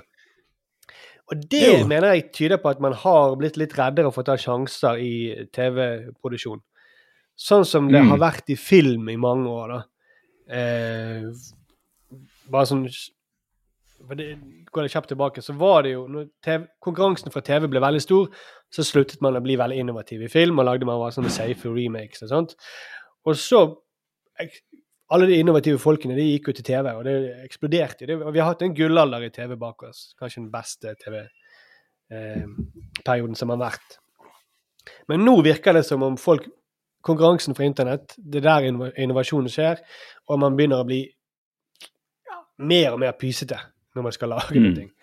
OK, er Agne Tesh med? Er Vegard Harm med? OK, ja, men da, da har vi det, liksom. Det er det Nå som må er du ha. TV TV-trente mennesker også, sant? du slipper å stresse med om det kommer til å bli bra, fordi folk de har vært på TV før, de, får, de, har noe, de klarer vel å skinne gjennom litt, iallfall. Ja, og Fladseth er jo jækla vittig. sant? Du har jo noen av de som er komikere Mm. i utgangspunktet, men sånn som Follestad, han er jo bare en sånn reality-fyr. Han er bare veldig flink til å være med folk- på reality. Men folk er jo splittet der, da, i forhold til kjendis-reality versus vanlige folk-reality, Mm. eller Eh, Fordi noen Jeg tror noen bare liker å se folk de kjenner før. For da kan du på en måte De har forhåndsdømt noen, tror jeg det er det folk liker litt. Nå jeg har masse meninger og tanker, nå skal jeg liksom se om denne personen jeg egentlig ikke er så fan av, klarer dette her. Ja, ja. tror det, det trigger noe av den der grumseteheten vår da, når vi ser på TV. Selv om jeg liker veldig godt fordi når du, når du finner vanlige folk, så er jo de faktisk castet. De har funnet den beste personen for dette programmet. Mm. Og så får du lov til å oppdage en person og oppdage hvorfor de er så bra i dette programmet. Men uh, det er jo litt sånn, ja vi, Som Farmen kjendis og alt sånt. ikke sant? Jo, men vi, vi så jo 16 ukers helvete sist sammen. Mm. Da, eh, samtidig så så jeg også et svensk program som het «Beste treningen, hvor folk hvor det var eh, fire par som skulle konkurrere. Noen så skulle de teste hvilken treningsform som var den beste. Noen som bare gikk sånn, hadde hverdagstrening, som liksom gikk mye trapper og gikk til butikken og powerwalk. Og så er det noen som drev med karate eller kickboksing, og så var det noen som drev med yoga, og så skulle de måle til slutt. Og det var helt vanlige folk. Mm. Og jeg merket det så utrolig mye mer sympatisk. Det var å se eh, vanlige folk som sliter med kolesterolet, gjøre disse tingene, enn å se en som du nettopp har sett i Ikke lov å le på hytta, da, Mm. eh, gjøre det samme. Jeg vet ikke hvorfor. Jeg, jeg, jeg, Jo, men man blir jo lei av det. Det samme. Sånn som Jeg bryr meg jo ikke lenger hvis jeg ser en film med Tom Cruise. Så tenker jeg bare nei, jeg tror ikke han er en annen person. Jeg tror det er Tom Cruise. Og håper han dør ganske tidlig i filmen. Håper han dør nå. Og kanskje romskipet han styrter nå. Det har vært bra. Mm. Nei, det, det sånn- husker jeg når vi laget 58 Nyhetskanalen på TV, så var vi opptatt av å ha skuespillere som ingen forbandt noe med.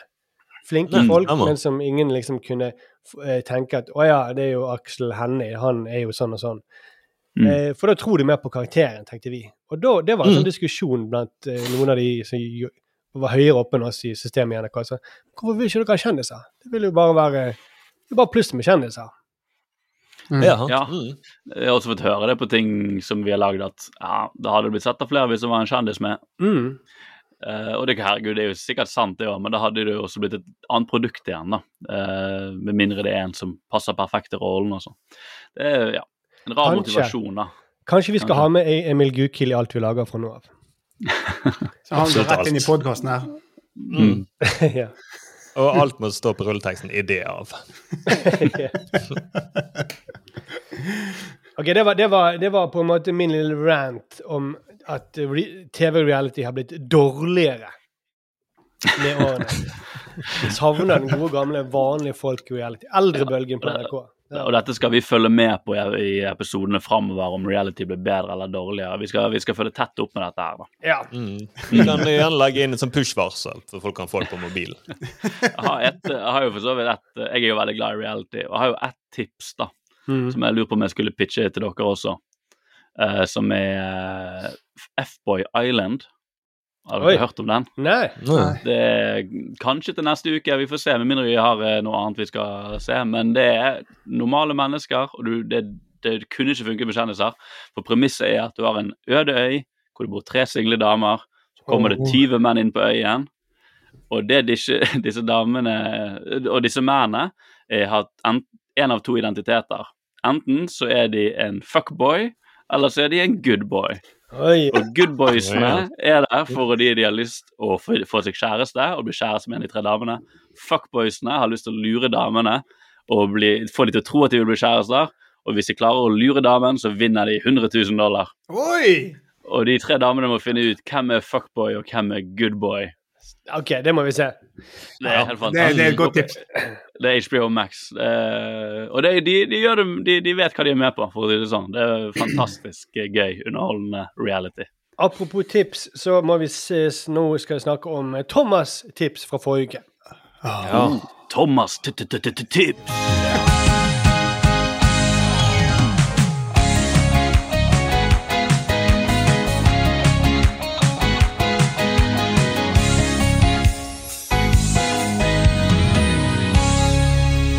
Thomas, eh, du, eh, du, ment, anbefalt, du har anbefalt dette for oss mange ganger før. Eh, Ja. Men en serie som heter Garth Morengis Dark Place. Ja. Og eh, jeg er litt nervøs, for jeg, jeg, jeg må innrømme at jeg angret umiddelbart etterpå. For jeg er så glad i denne serien, og så har jeg mast så mye med, med, med at dere skal se den. Og når dere først har sett den, så er jeg så redd for at Altså, Det er jo litt sårt, dette her. For dette her er jo dette er som å vise fram en baby. vet du. Så da ser hva jeg har skapt. Eller jeg har jo ikke skapt det, men jeg er veldig, det er noe jeg har et veldig kjært forhold til. Jeg føler, det, det jeg tenker med eh, en gang Jeg tenkte veldig Thomas at nå, har du faen, nå er du faen meg tøff. Dette her er som å sette på favorittlåten din på nachspiel. Ja, ja, jeg, det er det jeg har gjort. Og det, så, jeg gjort. Å, det skal ikke man alltid gjøre. Det skal man ikke alltid gjøre. Nei, Kanskje du, får, ja, sant? Du inn, kanskje du skal gå inn på et lite rom hvor noen få folk sitter og prøver å spille den favorittlåten din for de først, og så kan du gå ut i Men ja, OK, du gikk rett ut i stuen og sa 'her er favorittlåten min', Ja. Og den er rar. Det er som å lage, lage liksom, Teige lysstudio på NRK og sende det. Ja, ja. Og så tvinger du folk til å høre på det. Og det er det du har gjort. Du har tvunget oss til å høre på det. nei, Jeg, jeg, bare si, Thomas, jeg bare si, Thomas, jeg fikk ikke med meg jeg, jeg trodde du var såpass grei at du bare ville at vi skulle bare se én episode.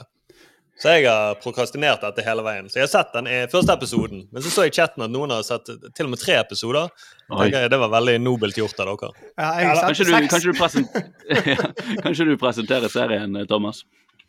Jo, men nå, nå, nå gjør jeg ikke det med særlig mye selvtillit, for nå er jeg, eh, merker jeg at jeg er allerede er nervøs for eh, reaksjonen deres. Men det er altså en britisk eh, humorserie fra 2004, hvis jeg ikke husker feil, med veldig mange dyktige folk bak. Men det er altså en serie som handler om en eh, serie eh, som ble spilt inn på 80-tallet, men aldri vist. Men nå eh, viser de den igjen, eh, med da fortellerspor og eh, intervjuer fra de involverte.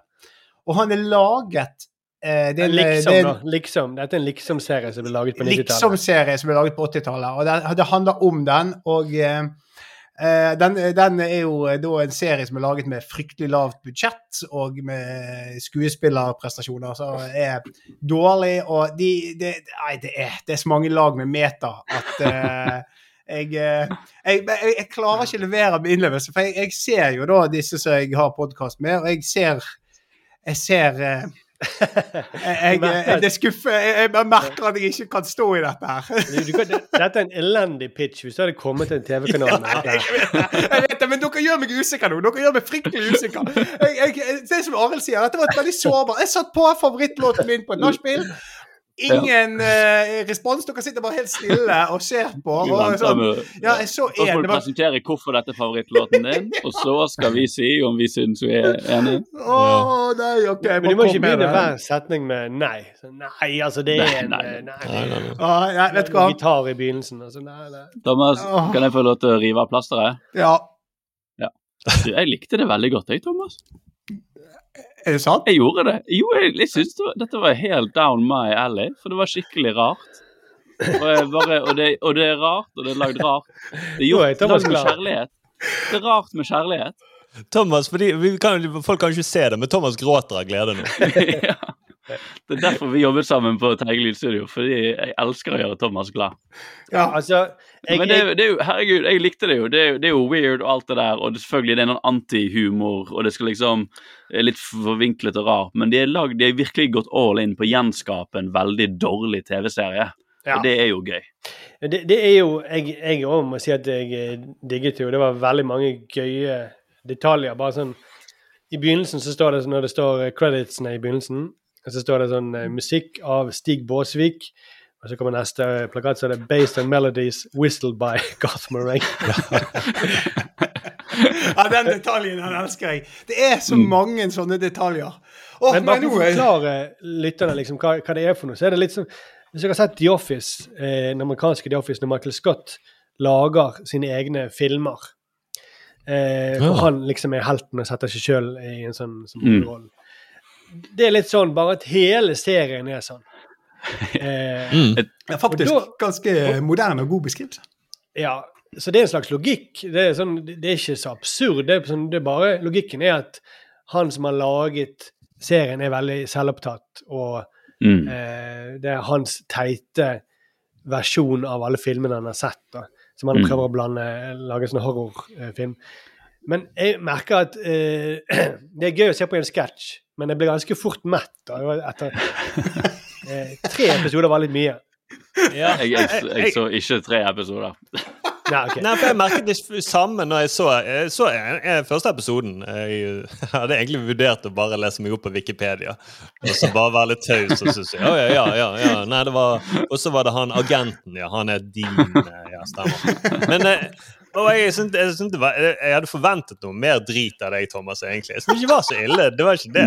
Det var jo litt sånn Twin Peaks-feeling og sånne ting. Og jeg synes det var gøy. Men ja. Men ja, jeg er spent på om det hadde holdt så veldig mange Altså, episoder. Jeg så, jeg så ti minutter, tok i og sov i åtte timer. Og så så jeg ti minutter til. Det er nok resepten Så tok du deg en dusj.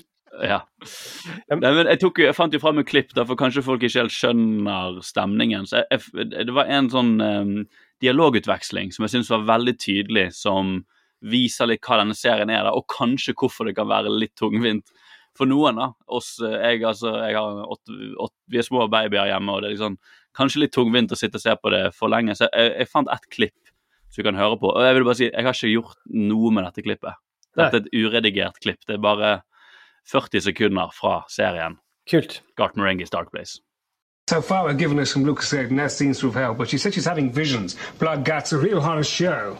That's Dr. Lucian Sanchez, hotshot surgeon. He's a good buddy, though we sometimes have punch-ups. Is that why you called me in? As far as I can tell, some dames just bang their bonds. Qu'est-ce que le diff? Wait, I have more things to say. Go on. Sorry for the interruption. Don't mention it. She's saying there's something supernatural going on. It's witchy woman whittering and it wants nothing out of the wick. This is a place of science, after all. I need panic in the walls like I need a hole in the head. Something supernatural, you say? That sounds bang up your alley, Dag. Aren't you an expert in the arcane and black arts? That was a long time ago, Sanch. Got my fingers burned. Well, you can count me out, Reed. It's all voodoo nonsense as far as this cat's concerned. Fair enough. You take the reins on this one, Dag, but make sure your methods are orthodox. Ja, jeg synes det er er liksom veldig sånn overskrevet, dårlig fremført, rare redigeringsvalg. Uh, litt sånn ADHD, nesten, uh, Ja. på, Og, og, på en måte. og, det, det I sesong, episode tre så begynner de å slenge dritt om hverandres skuespillerprestasjoner. Fordi han ene, han Richard Ayodi, er det han heter, han er Ja. halvt norske og halvt nigeranske nigerianske eh, komikeren, Ja. som spiller den ene rollen, han eh, og som har vært med å lage serien, han er jo eh, I premisset til serien så er det at han er en veldig dårlig skuespiller, men han er han, han som gir ut bøkene til eh, Garth Marenghi. Og de er bestekompiser på en eller annen måte. Så det, han er med i serien, men er veldig dårlig skuespiller. De begynner å slenge drit om han, de andre skuespillerne i episode tre. Mm. Fordi dette er jo en sånn serie som jeg skjønner at det blir en slags kultfavoritt, for det er så mye smådetaljer og småting. Så jeg ser for meg at de som, sånn som deg, Thomas, du har sikkert sett episoden flere ganger på om igjen. Ja, ja, jeg herregud. Ja, ja. ja, ja, ja. ja. Jeg har sett det så mange ganger at jeg eh, Og så er det liksom Nei, det, jeg syns det er som Er du med på noe sånn eh, Er det samla dere dere i noen sånne grupper, eller? For- Nei, men Du har andre incels. Nei, jeg, jeg syns jo det er så gøy, for det er så overskudd, og det er så gjennomført. Og det gjør at jeg bare jeg, jeg, jeg virkelig elsker det, da. Og, eh, og så er jo det fryktelig smalt. Det er jo ikke til å legge skjul på. Og det er jo Hva er, hva er målgruppen? Det er jo, ville jo NRK sagt. Ja, ja, ja, ja nei, det, det er et godt spørsmål, egentlig. Ja, det er kanskje Um, folk som jobber med TV, for det, det er mye sånn humor som er, som, som er sånn eh, Som du vet, folk som har jobb... Det er sånn lydredigeringshumor, for eksempel. De Det er jo veldig mye sammen- sånn. Når de setter sammen to klipp, for eksempel, som eh, skal liksom være i den samme scenen, så hører du at bakgrunnslyden er forskjellig på de to klippene. Så man, vi, alle som har laget TV, vet at det må man prøve å smoothe ut, at det er den samme lyden Mm. på begge. Men, eh, så det er veldig mye sånne ting. Og eh, at man legger på eh, sånn adlibs etterpå. Eh, Mm. For det gjør man jo. Eh, man, hvis, hvis lyden blir for dårlig, så går man og tar på nytt igjen sånne opptak. Mm. eh, Legger inn stemmen. Men her er det, det så tydelig at de ofte har Å ja, vi legger på den eh, Don't do drugs. Ja. I det, ja. stedet det så de tre første episodene Dere så de tre første episodene, kom dere der med Steven Merchant uh, jobber i kantinen? Han er en fantastisk karakter der. Det er veldig gøy.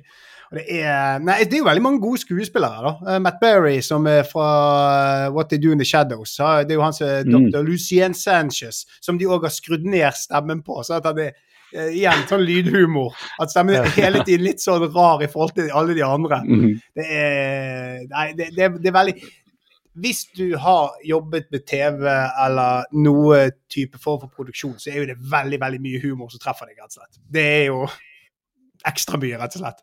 Eller bare filminteressert, og du selv vet om disse tingene. Og, og så var det Ja, sant. Eh, Men jeg, når jeg så det, så kom jeg på Jeg har jo sett dette før. Jeg tror du har tvunget, tror du har tvunget meg til å se dette en gang før, Thomas. Jeg, tror jeg har satt på eh, åpningssekvensen, for den er jo helt fenomenal, den introen eh, Ja, ja. til hele Den tror jeg jeg har vist til alle i Satiriks-redaksjonen i to-tre ganger. Og jeg vet at eh, han Adrian, den argentinske komikeren vi hadde på, jeg viste den til han, og så har vi tatt to øl, og så så han bare på meg, og så bare OK, og så gikk han. så han, han syntes det var kjempeteit. Ja, fordi jeg har nok sett det, men jeg har nok fortrengt det. Det er nok det. ja, men det er Ja, helt det skjønner jeg eh, på en måte. Iallfall når det kommer fra Thomas og som masete om dette. Så ja, men men det- Nå det har jeg lagt fram eh, Det var Men det var ikke det verste, Thomas. Det vil jeg si. Det var ikke det verste på noen måte. Og så ble det jo faktisk Det var en liten utvikling. sånn at Det kommer sånne nye ting de hele tiden forklarer. I episode to eller tre så snakker de om at uh, de hadde så kort eh, Grunnen til at det er så mye slow motion der, er at eh, de, de hadde ikke nok opptak til å dekke 23 minutter. Ofte måtte de liksom Alt som ikke var dialog, måtte være slow motion. Det er veldig gøy. Det Det er gøy, da. Det er gøy. Men du får sånn Tarantino-feeling, da. Tarantino, I mine øyne så er det bare han lager akkurat det han har lyst til å lage. Mm. Jeg har lyst til å fortelle denne historien, og så gjør jeg det. Og så får det Mm. være det samme. Og det samme er jo med dette her også. Og At de kaller det sykehuset for Hva er det det heter? Det heter Dark Place. Ja. Dark Place Hospital. Ja. Det er så kjempebarnslig. Men det er jo, det er jo veldig eh, Ja, unnskyld. Eksteriørbildene av sykehuset, du ser jo så tydelig at det er bare en sånn De har laget en modell i plastikk. De Det er veldig okay, gøy, altså. men- Det er sånn nerdehumor, da, kan vi si. Altså, de, er- de er dorket helt ut og lagd en skikkelig sånn hyperspesifikk Men det er jo masse er referanser til Stephen King, og det er masse referanser til Rige fra Lars von Trier, som vi snakket Mm. om sist. Sant? Så det er jo veldig sånn De har sett mye sånn horror og den type Mm. ting, og latt seg inspirere av det, da. Og han, Ja, han er jo litt inspirert, han Garth Marenghi, av Stephen King på uh, Han var vel en periode Stephen King tok veldig mye kokain, så det er sånn in intervju med han hele karakteren er eh, basert på. Visstnok. Sånn at eh, Stephen King snakket veldig sånn uh, passionate Ja, det kan jeg eh, om ja, seg, sjøl, se liksom. nå. Ja, det. Han har den Stephen King-seriøsiteten der, ja. Ja. Men det som også Mm. skjedde, da jeg må bare si det som også skjedde, var at du, Thomas, du fikk jo så panikk. Du sa nei, dette er for smalt å snakke om. Ja. Så rett, rett før vi skulle på luften, så, eller før vi skulle lage denne podkasten i går kveld, så sa du kanskje vi ser på noe annet? Farmen, for eksempel. Så du til å se på Farmen, en episode av Farmen også. Du, du gikk helt Ja. sånn reklame med Thomas. Du, du, du var liksom morsomme, du var sånn morsomme, rare podkast-Thomas, og så ble du helt reklame-Thomas. Ah, ja, ja, det- sånn, «Nå, det er Farmen, det, vi må snakke om Farmen på podkast. Det er mye alle kjenner har hørt om Farmen. Ah, jeg- Ikke én episode, men to, to episoder av Farmen. Du, kan jeg bare innrømme noe? Ja. um, eh, jeg, eh, jeg var jo veldig nervøs, og som sagt eh, Jeg var veldig usikker på om dette Garth Marenghi var riktig å snakke om. Så jeg så jo Farmen for aller, aller første gang Jeg har aldri sett, jeg har aldri sett noe. Og det var jævlig kjedelig. Herregud! Ja, og, så, og, så, og så er det noe når jeg går inn og ser den episoden på TV2 Play, så er det liksom Det første jeg møter, er en, en diskusjon om religion med Vebjørn Selbekk og Sofie Elise. Jeg føler det er en veldig dårlig start på konseptet Farmen for min del. det er jo Farmen kjendis, da. Ja, Farmen kjendis vi har sett. Ja. Som er også en eh, døllere versjon av eh, vanlig Farmen, vil jeg si. Ja, jeg For I vanlig. Farmen blir jo de, i vanlig farmen, det er jo nesten, blir jo de dritsure på hverandre og smugler inn mat. og de, der, Som vi snakket om med casting av vanlige folk, da hyrer de jo inn gale mennesker som ikke bør være fanget i eh, 100 år tilbake i tid. Men helt seriøst, når jeg så Farmen nå, og dette er som sagt aller første gang, så fikk jeg en følelse jeg ikke har hatt siden jeg jobbet i kassen på Spar Varden. Den der at eh, jeg har, altså, bare sånn der, jeg sitter i kassen her, og det er stille, og så tenker jeg sånn ah, Nå har jeg vært der i to timer, og så ser du på klokken, så har det gått et kvarter. Jeg fikk akkurat samme når jeg så Farmen nå. Det var liksom den der Og så litt den panikkfølelsen av at Herregud, er det, er det faen meg en halvtime igjen av del én? Så jeg, så mye- eh, jeg må bare innrømme, jeg har ikke sett det ferdig. Jeg orket faen ikke. Okay. Unnskyld. Det var skuffende å høre, Thomas, i og med at det var du som anbefalte. Jeg vet det, jeg vet litt- det, og jeg vil bare be om den det. største unnskyldning for å komme med den anbefalingen. Men det, der, at- men det er litt, Ja. jeg, tror, jeg tror det er issue at vi hoppet midt i. For det var sånn, det er så mye kontinuitet i Farmen med sånn forhold, og plutselig driver de og lager noen kinaklær, og skal, det er veldig big deal at de skal dra på en turistbåt. og Det er bare de snakker. det er som å hoppe inn i episode 100 av noe du ikke brydde deg om. Ja, og- kan, kan jeg gå i Ja. ja. Nei, nei det, men det er kanskje også vi på et litt kjedelig sted i, se- Det er midt i sesongen, eh, og det er liksom eh, det, det skjer noe litt spennende på slutten av episoden, da. Kan kan, kan, jeg gå gjennom, kan, jeg, kan jeg gå gjennom selve happeningen? Det som liksom var den store For de bygger jo opp og bygger opp, og så er det en svær happening. Ja, kan jeg Kan bare jeg, si, jeg vil bare fortelle noe om begynnelsen. Ja, jeg òg vil Ja. si noe om begynnelsen. Men ta du først, da. Ja, jeg bare sånn det i begynnelsen, Alle de parodiske skiftene de har med at eh, Vebjørn Selbekk og Sofie Elise snakker om Gud, og så klipper de hardt til Dorte Skappel som bare, «Nei, nå er det nok gudeprat. det nok Mm. gudeprat. Og sånne skifter fortsetter de hele tiden. For rett etter der så er det jo morgen på Farmen. Hadde verdens beste kveld og en sykt bra natt, og nå har jeg en veldig bra morgen. Åh, det er ingenting er bedre enn det, Sofie. Og så tror vi at alle har det fint om morgenen. Jeg har ikke sovet et sekund i do, Og sånn er det fortsatt hele tiden. Sammen når de spiser poteter, så snakker de om poteter, og så er det klipp til en som bare 'Jeg hater poteter'. Og så får de flaske vin senere i episoden, og så er den sånn 'Å, jeg er skuffet over at vi ikke fikk vin. Jeg vil ha post'. Og det Helt enig. Det, det, det, er, det er rett og slett dramaturgien i hele episoden. Mm. Men Den begynner bare for å si det, den begynner med at Vebjørn Selbekk sier at de som tror at uh, Elise er så dum, eh, de tar jo helt feil. For det viser seg at hun tror på Gud. og og det, det er der og da så tenker jeg ok, det, er nivået det er på samtalen. Mm. Ja, ja. Jeg, jeg, syns det var he helt oppriktig helt forferdelig. Helt Ja, og det var ganske mye som skjedde òg. Altså, de fikk post, og de satt og gråt. Og de ble Ja, det er tegn på at de, ja, det er tegn på at de vil at vi skal bry oss om dem, da. Som Ja, jeg tror ikke jeg- noen av oss gjorde. Nei, jeg bare var det kjedelig? Jeg var sånn der, de- skulle jo beholdt ett brev tilbake, sånn at det var én som var sånn skikkelig skuffet og ikke fått brev. Så bare. Og, så, og så er det et eller annet med de sier å, jeg føler meg så Det hadde vært gøy. Det hadde for øvrig vært veldig gøy. Gøy. Eh, men så var det å, jeg føler meg så privilegert når jeg får brev fra familien. på at du er faren min, kjendis. Alle som er der inne, er jo griseprivilegerte. Det er bare så kvalmt, hele greia, liksom. Jeg tror ikke på dem. Jeg tror ikke familien bryr seg om dem. Jeg tror uh... Nei, det burde vært sånn at det burde være en av de burde fått et brev, og så bare Å, herregud. Her står det i brevet at jeg ikke er kjendis. Jeg må forlate gården med en gang. Å, herregud. Men det var en del av de folkene de panorerte. Han er Isak og de andre. Jeg tenkte shit, det der ser ut som en av de proddasene, altså en eller annen i produksjonen som bare får ville seg inn. Ja, han ene som var på denne båten, har ikke peiling på hvem var. Ja, men, Han som var der med Ja, han er rapperen. Men eh, han eh, ja, Isak, ikke. Isak han gjør jo ikke så mye ute av seg heller. Og det er så Nei. gøy eh, når han får brev hjemmefra, og sånt, så ja, det var fint å få.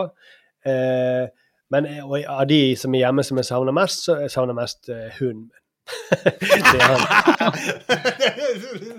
Da er du ung. Da, er du ung. Det er veldig tidlig.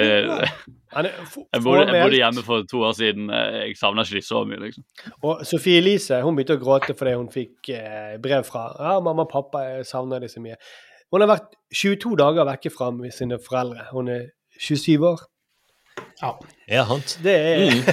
Men, men det syns jeg også gikk litt igjen da, som en sånn eh, underliggende greie når jeg så på det. var at de, For de var mye mer sånn rollespillete enn jeg husket at det var. At De spiller jo rollespill med disse, de som eier denne båten, og de er litt sånn nå er vi her, men dere må jobbe nede i kjelleren og pusse messing. Altså Det er veldig sånn skuespill. Og så blir det liksom at de, de blir liksom sånn små barn. Det føles Ja. som sånn små barn som går rundt i Skjuttaviga og snakker med pirater og er liksom halvveis med på leken, men egentlig liksom være for seg sjøl. Og det, det går liksom Alle framstår veldig barnslig. Ja, og ja, det- alle blir veldig veldig barnslige av å være der ute. Ja, og det, det er sånn som går igjen i alle disse reality-greiene. Det er jo tre av de, Kjersti Grini, Vebjørn Selbekk og han eh, Adam Esari, som får lov til å ta båt, og det er de så utrolig glad for. Å, vi får ta båt, vi får dra på tur. Og så er det, det er fantastisk å ta den båten. Det var bare en så syk opplevelse, den beste maten. Og det gjør de i alle sånne reality-serier. Så blir de så på en måte glad for sånne små barnslige ting. Å, vi- Jo, men det blir det på veien. Ja. ja, bare på vei ned på den båten. På vei til båten så driver de og synger over Kattegatt. Det er liksom alle tre år i hodet. Åh, men jeg, jeg, jeg, får, jeg, jeg syns det var helt grusomt. Jeg, bare, jeg vil faktisk det. og det tror ikke jeg normale mennesker hadde gjort på TV. da. Det tror jeg kun kjendiser som hadde gjort på TV. Ja, de spiller jo rolle. hadde, ja, Mm. det normale mennesker hadde bare vært sånn OK, nå vil jeg at vi skal ta en båt, kanskje det er noe mat så vi kan spise, for vi får mye mindre mat enn de kjendisene på Kjendisfarmen. Men- I vanligfarmen så men- blir de faktisk sultet, da. Ja, men hvis, det, hvis, hvis, vi, hvis vi fire nå skulle gått og tatt en båt, og to eller tre Altså, hvis to av dere hadde begynt å synge så Mm. jeg her sånn, herregud, her, her, er her snakker vi jo drypp, liksom. Det er jo ikke normalt. Det er jo ikke normale folk som begynner å synge sånn. Altså, Da hadde det vært ironisk. Men det Ja, var jo ikke ironisk, det som var på. Fordi de sang de sang ro, ro, ro med din båt. Det var den de sang? Ja. Ja. Ja. Ja. Mm. Eh, men, Ikke ironisk, men som en rolle. Som en, som en, som en Ja. men det som ikke var påtatt, var jo det Og det virket helt oppriktig, at de, de var jo så livredd for å bli stemt, valgt til sånn førstekjemper og mulighet for å kanskje rykke ut. De sier Ja. 'Å, jeg er så redd', og, å, uff, nei, kanskje det blir meg, og de gråter jo. Og da lurer jeg på hvorfor er de så jævlig gira på å vinne? Altså, de vinner, er de, de vinner en bil, er det det de vinner? Ja, en Skoda. Elbil Skoda. Det var ikke så kul, den bilen. Teslaen som Thomas hadde, var kulere.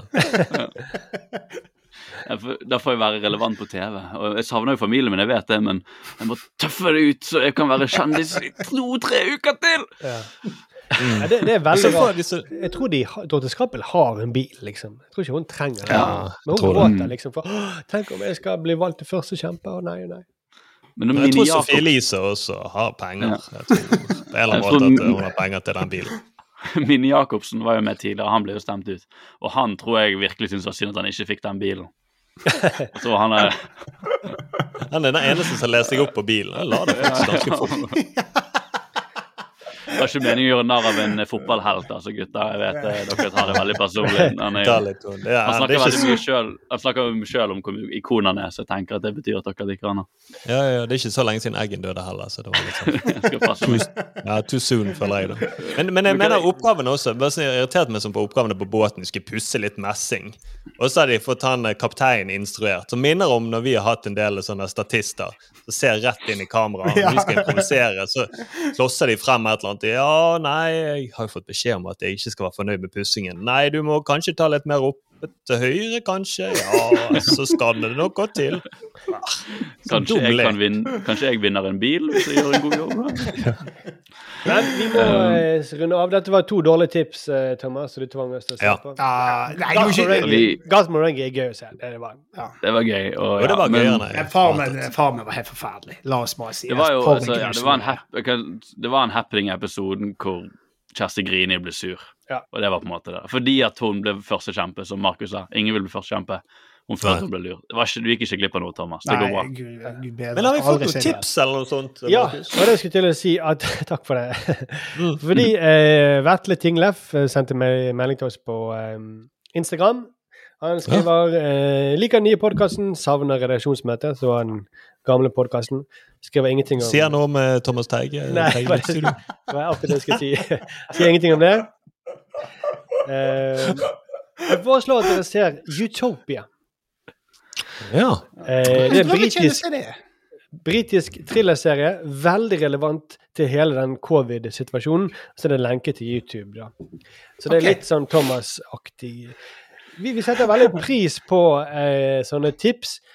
Eh, og det, det, det trenger, vi tenkte på det, det trenger jo ikke være kule serier som dere eh, skal anbefale oss. Det kan også være bare serier som dere vil at vi skal snakke om og se sammen, som er rare eller dårlige eller eh, morsomme å høre oss snakke om. For eksempel Tør dere, eh, tør dere være Thomas på nachspielet, er også litt spørsmål. Ja. Jeg vil, Vi skal det- se første episode av Utopia, da. Ja, ja og, kan, kanskje vi også, og den som Arild foreslo med Fuckboys. eh, Boy Ja. Island Mm. HBO Max. Ja. Mm. Det høres ut som en plan. Ja. Og så må jeg si en ting til han høne å plukke opp med Thomas til slutt. Eh, for da, da, da hadde vi egentlig planlagt at vi skulle liksom, forrige gang skulle vi ha en sånn runde på hva vi ikke skulle se. Og så begynte vi på den runden, da. Eh, og da sier, bryter Thomas av midtveis, og så sier han ja, men skal vi bare runde av, fordi eh, vi kan jo snakke hele kvelden om de tingene vi ikke skal se. Så Mm. ja, OK, da får vi bare slutte. Det var den samme Thomas som noen dager til før når vi snakket om det, også fått oppgave om at det var han som skulle anbefale en ting vi skulle se.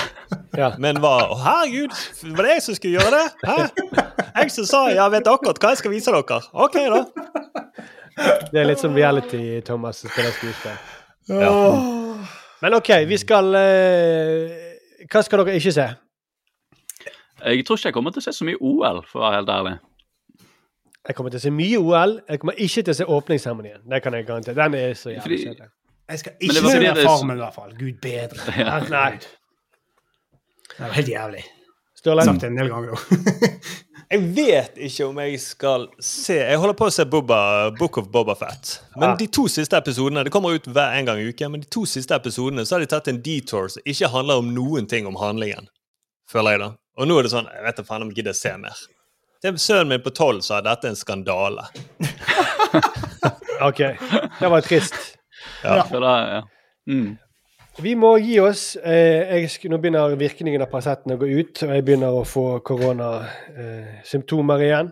Så eh, vi eh, håper at alle er friske og raske til neste runde. Og så eh, kommenter gjerne. Det er veldig hyggelig eh, når dere skriver Ja. på iTunes og sånt. Eh, folk som skriver at det er en perfekt ledsager å ha på bussen. Da er det en lang busstur, eh, Mm. eh, vil jeg påstå. Men eh, veldig hyggelig. Fru Bitt. Avslutter vi nå med den siste vignetten til Thomas for aller siste gang. Vi kommer alltid til å høre den igjen. Ja, god idé, Ståle. Ja, vi gjør det. OK, Du får høres, tårene, Thomas. Ja. høres Ha det om en bra. uke. Ha det fint. Det gjør Ja, ikke jeg brøler gjerne! Det var helt ærlig, så tror jeg ikke smakte deg. Jeg er jo egentlig en ganske flatbrystet pike. Oh yeah? Well, I love you too! Det ser jo ut som en løgn. Kjersti, sånn snakker vi ikke. One small step for man. Han skårer! Norge leder 2-1! Norge leder! Viva la Norvège!